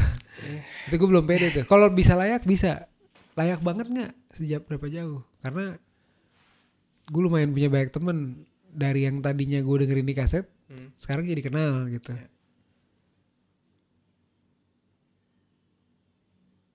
Beberapa doang yang bikin gue oh bisa kaya banget gitu. yang bikin tenang gitu. Yang so called legend-legend gue udah ke rumahnya apa juga. Wah ini surviving juga ya gitu. Apalagi yang baru mau mulai. Kalau kayak Ahmad Dhani gimana menurut lo? Nah, gue nggak berteman sama dia. Gue nggak mau komentar yang gue nggak nggak nggak kenal. Tapi gua kenal. kalau gua akuin dia kan one of the best songwriter di Indonesia sepanjang masa kan. Ini ngomong ini apanya nih? Soal kemapanannya atau songwriting? Songwriting terus kemampuannya gua nggak tahu. Gua tahu di rumahnya di Pondok Indah. Kalau songwriting gue angkat tangan. Semua orang angkat tangan. semuanya Iyalah, the best ya. the best. The best ya. Di despite banyak yang nggak suka dengan Apa yang dilakuin apa sekarang? yang kan? dilakukan sekarang. Mungkin dari dulu juga banyak nggak suka sama dia gitu. Tapi Eh, kalau. Kalau ngomong lagu-lagu dia sih, gue rasa semua sepakat sih nggak ada yang Yap. berani ngomong apa-apa gitu. Pupus, Arjuna, Apa pun gitu, itu ya. gila sih. Despite semakin gue mempelajari lagu dia, semakin gue tahu dia ngambil dari mana aja. Hmm. Tapi tetap nggak bikin gue jadi, oh dia ngambil dari ini enggak. Coba lu lakukan ini lakukan. Emang segampang itu ngambil dari, lu bisa nggak ngambil dari sini situ? Gue nggak bilang bener salah ya. Eh, Kalau bener salah ya, eh. eh, mungkin yang lain aja yang ini cuman pupus gitu itu save me queen jelas-jelas sama depannya gitu. Gue bahkan nggak tahu loh. Itu save me, tapi Nanti, gue cek. even gue tahu dari siapa dari dia sendiri dia bilang kalau ditanya orang pupus gue bikin dari save me dia nggak nggak nutupin gitu Ah. tapi bagus tetap pupus adalah karya baru yang bagus gitu bukan sekedar jiplak doang gitu terus pangeran cinta gitu itu immigrant song Hmm. emang dia ambil drumnya gitu. Tapi nggak bikin jadi pangeran cinta tuh lagu eh kawean gitu. Atau ada lagunya Mulan. Gue sebenarnya nggak terlalu suka sih tapi cinta mati ada. Hmm. itu dia jelas-jelas beli. Jadi lagunya eh siapa nyanyi? Oh Aria Rayo. Oh apa apa. Siapa? Latin. Gue blank tiba-tiba. Sergio Mendes Hmm. lagu lamanya Sergio Mendes dia beli dia bikin liriknya aja Dibeli. dia beli dia bikin liriknya baru Hmm. kayak lagu dia yang sama Krisya tuh yang jika Tuhan eh jika surga dan neraka tak pernah ada itu dia beli Dibeli bener. dia beli lagunya udah ada Ah. tapi dia bikin liriknya dan sadis liriknya gitu